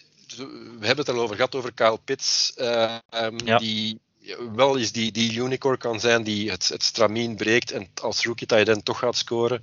Ehm, zoals ik zei, Calvin Ridley in, in de Falcons offense met, met, Ryan. Ik denk dat Pitts daar het tweede wapen zal worden en, en wel degelijk eh, heel goed kan gaan scoren. Eh, dus, dus zeker niet te ver laten vallen. Eh, en dan zitten we dus ja, bij de tight ends zitten we effectief wel in, in een heel diepe tweede tot derde tier. Ja, de mid-range, echt, ja. Ja, dus, dus daar denk ik dan namen als Mike Gesicki en eh, Gerald Everett. Ja. Wel, Heb wel, je- eh, Heb je bij Gesicki niet schrik? Jalen Waddle is erbij gekomen. Ehm, ja, Ehm, niet noodzakelijk. Ik denk dat Gesicki vorig jaar wel duidelijk al op het einde van vorig jaar een aantal goede wedstrijden heeft, eh, heeft gespeeld en dat hij wel het vertrouwen. Ja, nu weet ik niet meer of dat met Tua was of met, met Fitzpatrick. Eh, maar ik denk dat Gesicki wel, wel de kansen gaat Tua. krijgen. dat was met Tua. Die, eh, en Dus- ook in de preseason inderdaad heeft hij toch een, eh, een paar mooie passes dat, dat, dat, is, dat is een, ook tegenover ADP een vrij goedkope tight end dat, je, dat je echt wel, wel ehm, dat, dat zijn ADP zou kunnen gaan overstijgen. En Gerald Everett, ja, die zat vorig jaar in die, die dubbele eh, of die ja, halve rol op tight end bij de Rams samen met Tyler ja. En nu bij de, bij de Seahawks krijgt hij daar in principe die tight end één rol in de schoot geworpen. Ehm, je hebt er nog eh, Will Disley, eh, die een aantal blessures, die terugkomt van een Achillespees-blessure. Ehm, maar wel ja, met, met, eh, met Wilson een, een degelijke connectie had. Maar ik denk dat Everett daar toch wel, ook als voorna, voormalig tweede ronde pick, dacht ik, eh, eh, behoorlijk wat draft capital heeft. En wildcard daar, een beetje vergeten bij de Browns, is Austin Hooper. Nog niet zo heel lang geleden bij de Falcons vertrokken en daar, daar heel goed gescoord. Voor veel geld getekend bij de Browns. Mhm. En er is wel wat, eh, de Browns hebben nog wel wat tight ends ehm, eh, lopen en een aantal ja, goede wide receivers, goede running backs. Dus de Browns zijn stacked. Maar ik denk dat Hooper wel als, als, eh, tight end, als, touchdown target het nodige kan gaan doen. Ja. En even kijken, ja, Mike Gesicki ADP 12, Gerald Everett ADP 20 en Hooper, die zie ik staan op. Goh, waar, waar gaan we die ergens? Is het die zo ver naar beneden? 29. Dus het Ja. zijn echt wel eh, de, de, de sleepers eigenlijk die, die je al aan het benoemen bent. Eh, zeker in de One Tight End League. Eh, dus ja, goede dus- tips. Je kan die, dat, dat, zijn, dat zijn misschien bye week options of zijn, zijn Ja. streams. Maar ehm, ja, vergeet ze zeker niet. Ja. Ik denk die echt, echt, echt wel, als je, als je toch wel ergens wat diepte zoekt. Ja. Misschien zijn. belangrijker, de namen die je noemt, om, om van weg te blijven. Want dat zijn gasten die staan wel op die eh, posities, tight end, eh, ja, tussen, tussen de 6 en de 10 ergens. Dus waar je van denkt, die gaan nog wel echt vallen. Maar Ja. Tim zegt, blijf er van weg. En dat zijn, Ehm, Noah Fant eh, Ja. van de Broncos Terecht, denk ik, ja. lijkt mij gevaarlijk. Ehm ziet ook goede bij een speler wel, natuurlijk. Ja, ja, ja, inderdaad. Ook daar is het eerder een kwestie van. Ik vrees dat hij een beetje te hoog gedraft wordt in, verwacht, in, in verhouding met, met de punten die hij gaat scoren. Dus ik denk niet dat hij zijn, zijn, ja, zijn, zijn waarde gaat, gaat opleveren. Ik denk dat er betere spelers zijn in die tier. Ehm, ja, ook met, met de, de appeal vorig jaar van Noah Fent was, ja, hij kan met zijn college quarterback uh, gaan, gaan spelen, Drew Lock, maar dat is de starter niet meer. Het is Teddy Bridgewater nu. Dus um, Fent zal nog altijd die komt op de leeftijd dat de tight ends over het algemeen doorbreken. Maar um, toch een klein beetje. Uh, ik ben er niet al te hoopvol in. Um, nu, tweede naam Evan Engram. Ooit heel goed gestart als rookie, vooral als pass-catching tight end. Maar sindsdien in feite nauwelijks nog gezond gebleven. En ook nu is er weer sprake, ik weet niet wat het laatste nieuws is, maar er was sprake dat hij op IR zou gaan en, en mogelijk voor langere tijd zou, zou uit zijn.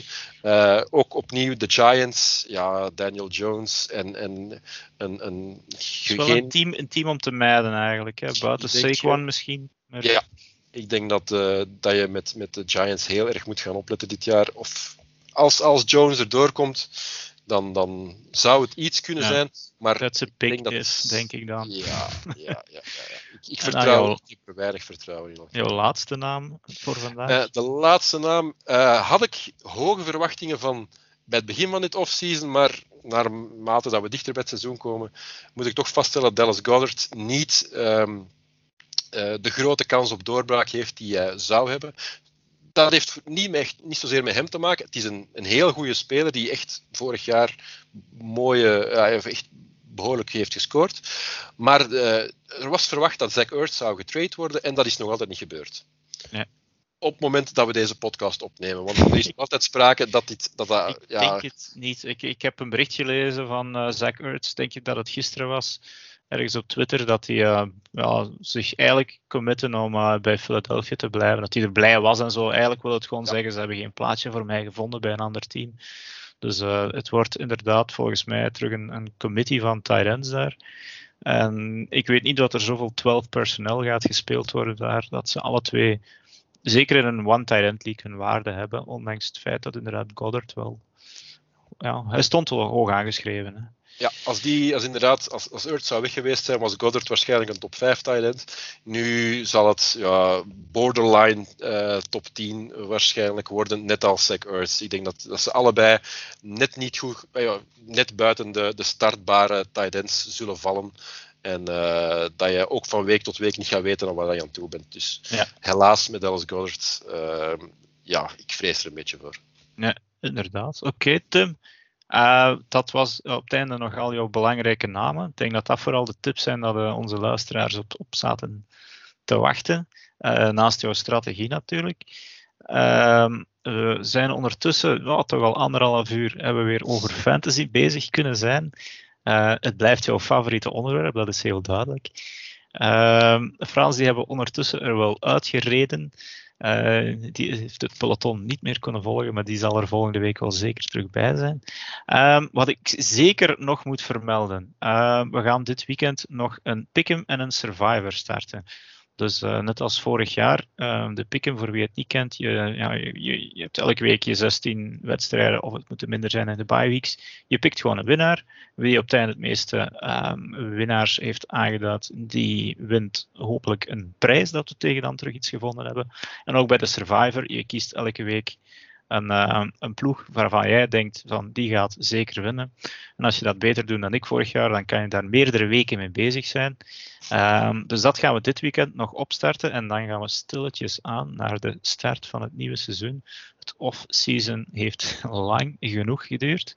Um, ben je ondertussen al uitgedraft, Tim? Of heb je nog een aantal drafts uh, op de agenda staan? Ik, uh, ik, denk dat ik rond ben. Uh, ah, ja. okay. Weinig redraft dit jaar. Ja. het meeste was, was al eerder in het offseason. Dus de komende weken nog een beetje waivers, ja. een beetje line-ups.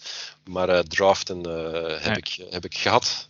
Als er mensen zijn die nog vragen hebben, stel ze gerust natuurlijk. We gaan, we gaan die antwoorden. Ik denk dat Tim zijn tips ook op onze WordPress-pagina uh, zal kunnen zetten, zodat we die kunnen, uh, ja, de mensen die kunnen nalezen. Um, voor als je ja, toch niet zo goed kan onthouden, of je wil het toch nog eens alle, in alle rust en stilte nalezen. We gaan dat kunnen, kunnen, kunnen zetten op afcbelgium.com, dus ga daar zeker naartoe. Um, en als er door het jaar nog fantasy gerelateerde uh, dingen zijn, dan gaan we er zeker ook op terugkomen. Um, maar ja, het draften zit er bijna op. Nu zal het inderdaad tijdens het seizoen zijn line-up zetten, waiver wires rustig bekijken. En ja, dan uh, mogen de beste winnen. En we hopen ehm, dat je spelers gezond blijven vooral. Ja, vooral. Ja, we wensen dat in het eerste, want dat is gevaarlijk. Hè. Je denkt, uh, je ziet een speler gekwetst geraken en in plaats van denkt van, oh nee, wat erg voor die man, zou je al beginnen denken, heb ik die in een van mijn teams? Dus uh, mogen niet vergeten, het zijn hier echte spelers van vlees en bloed die eigenlijk, een job hangt ervan af.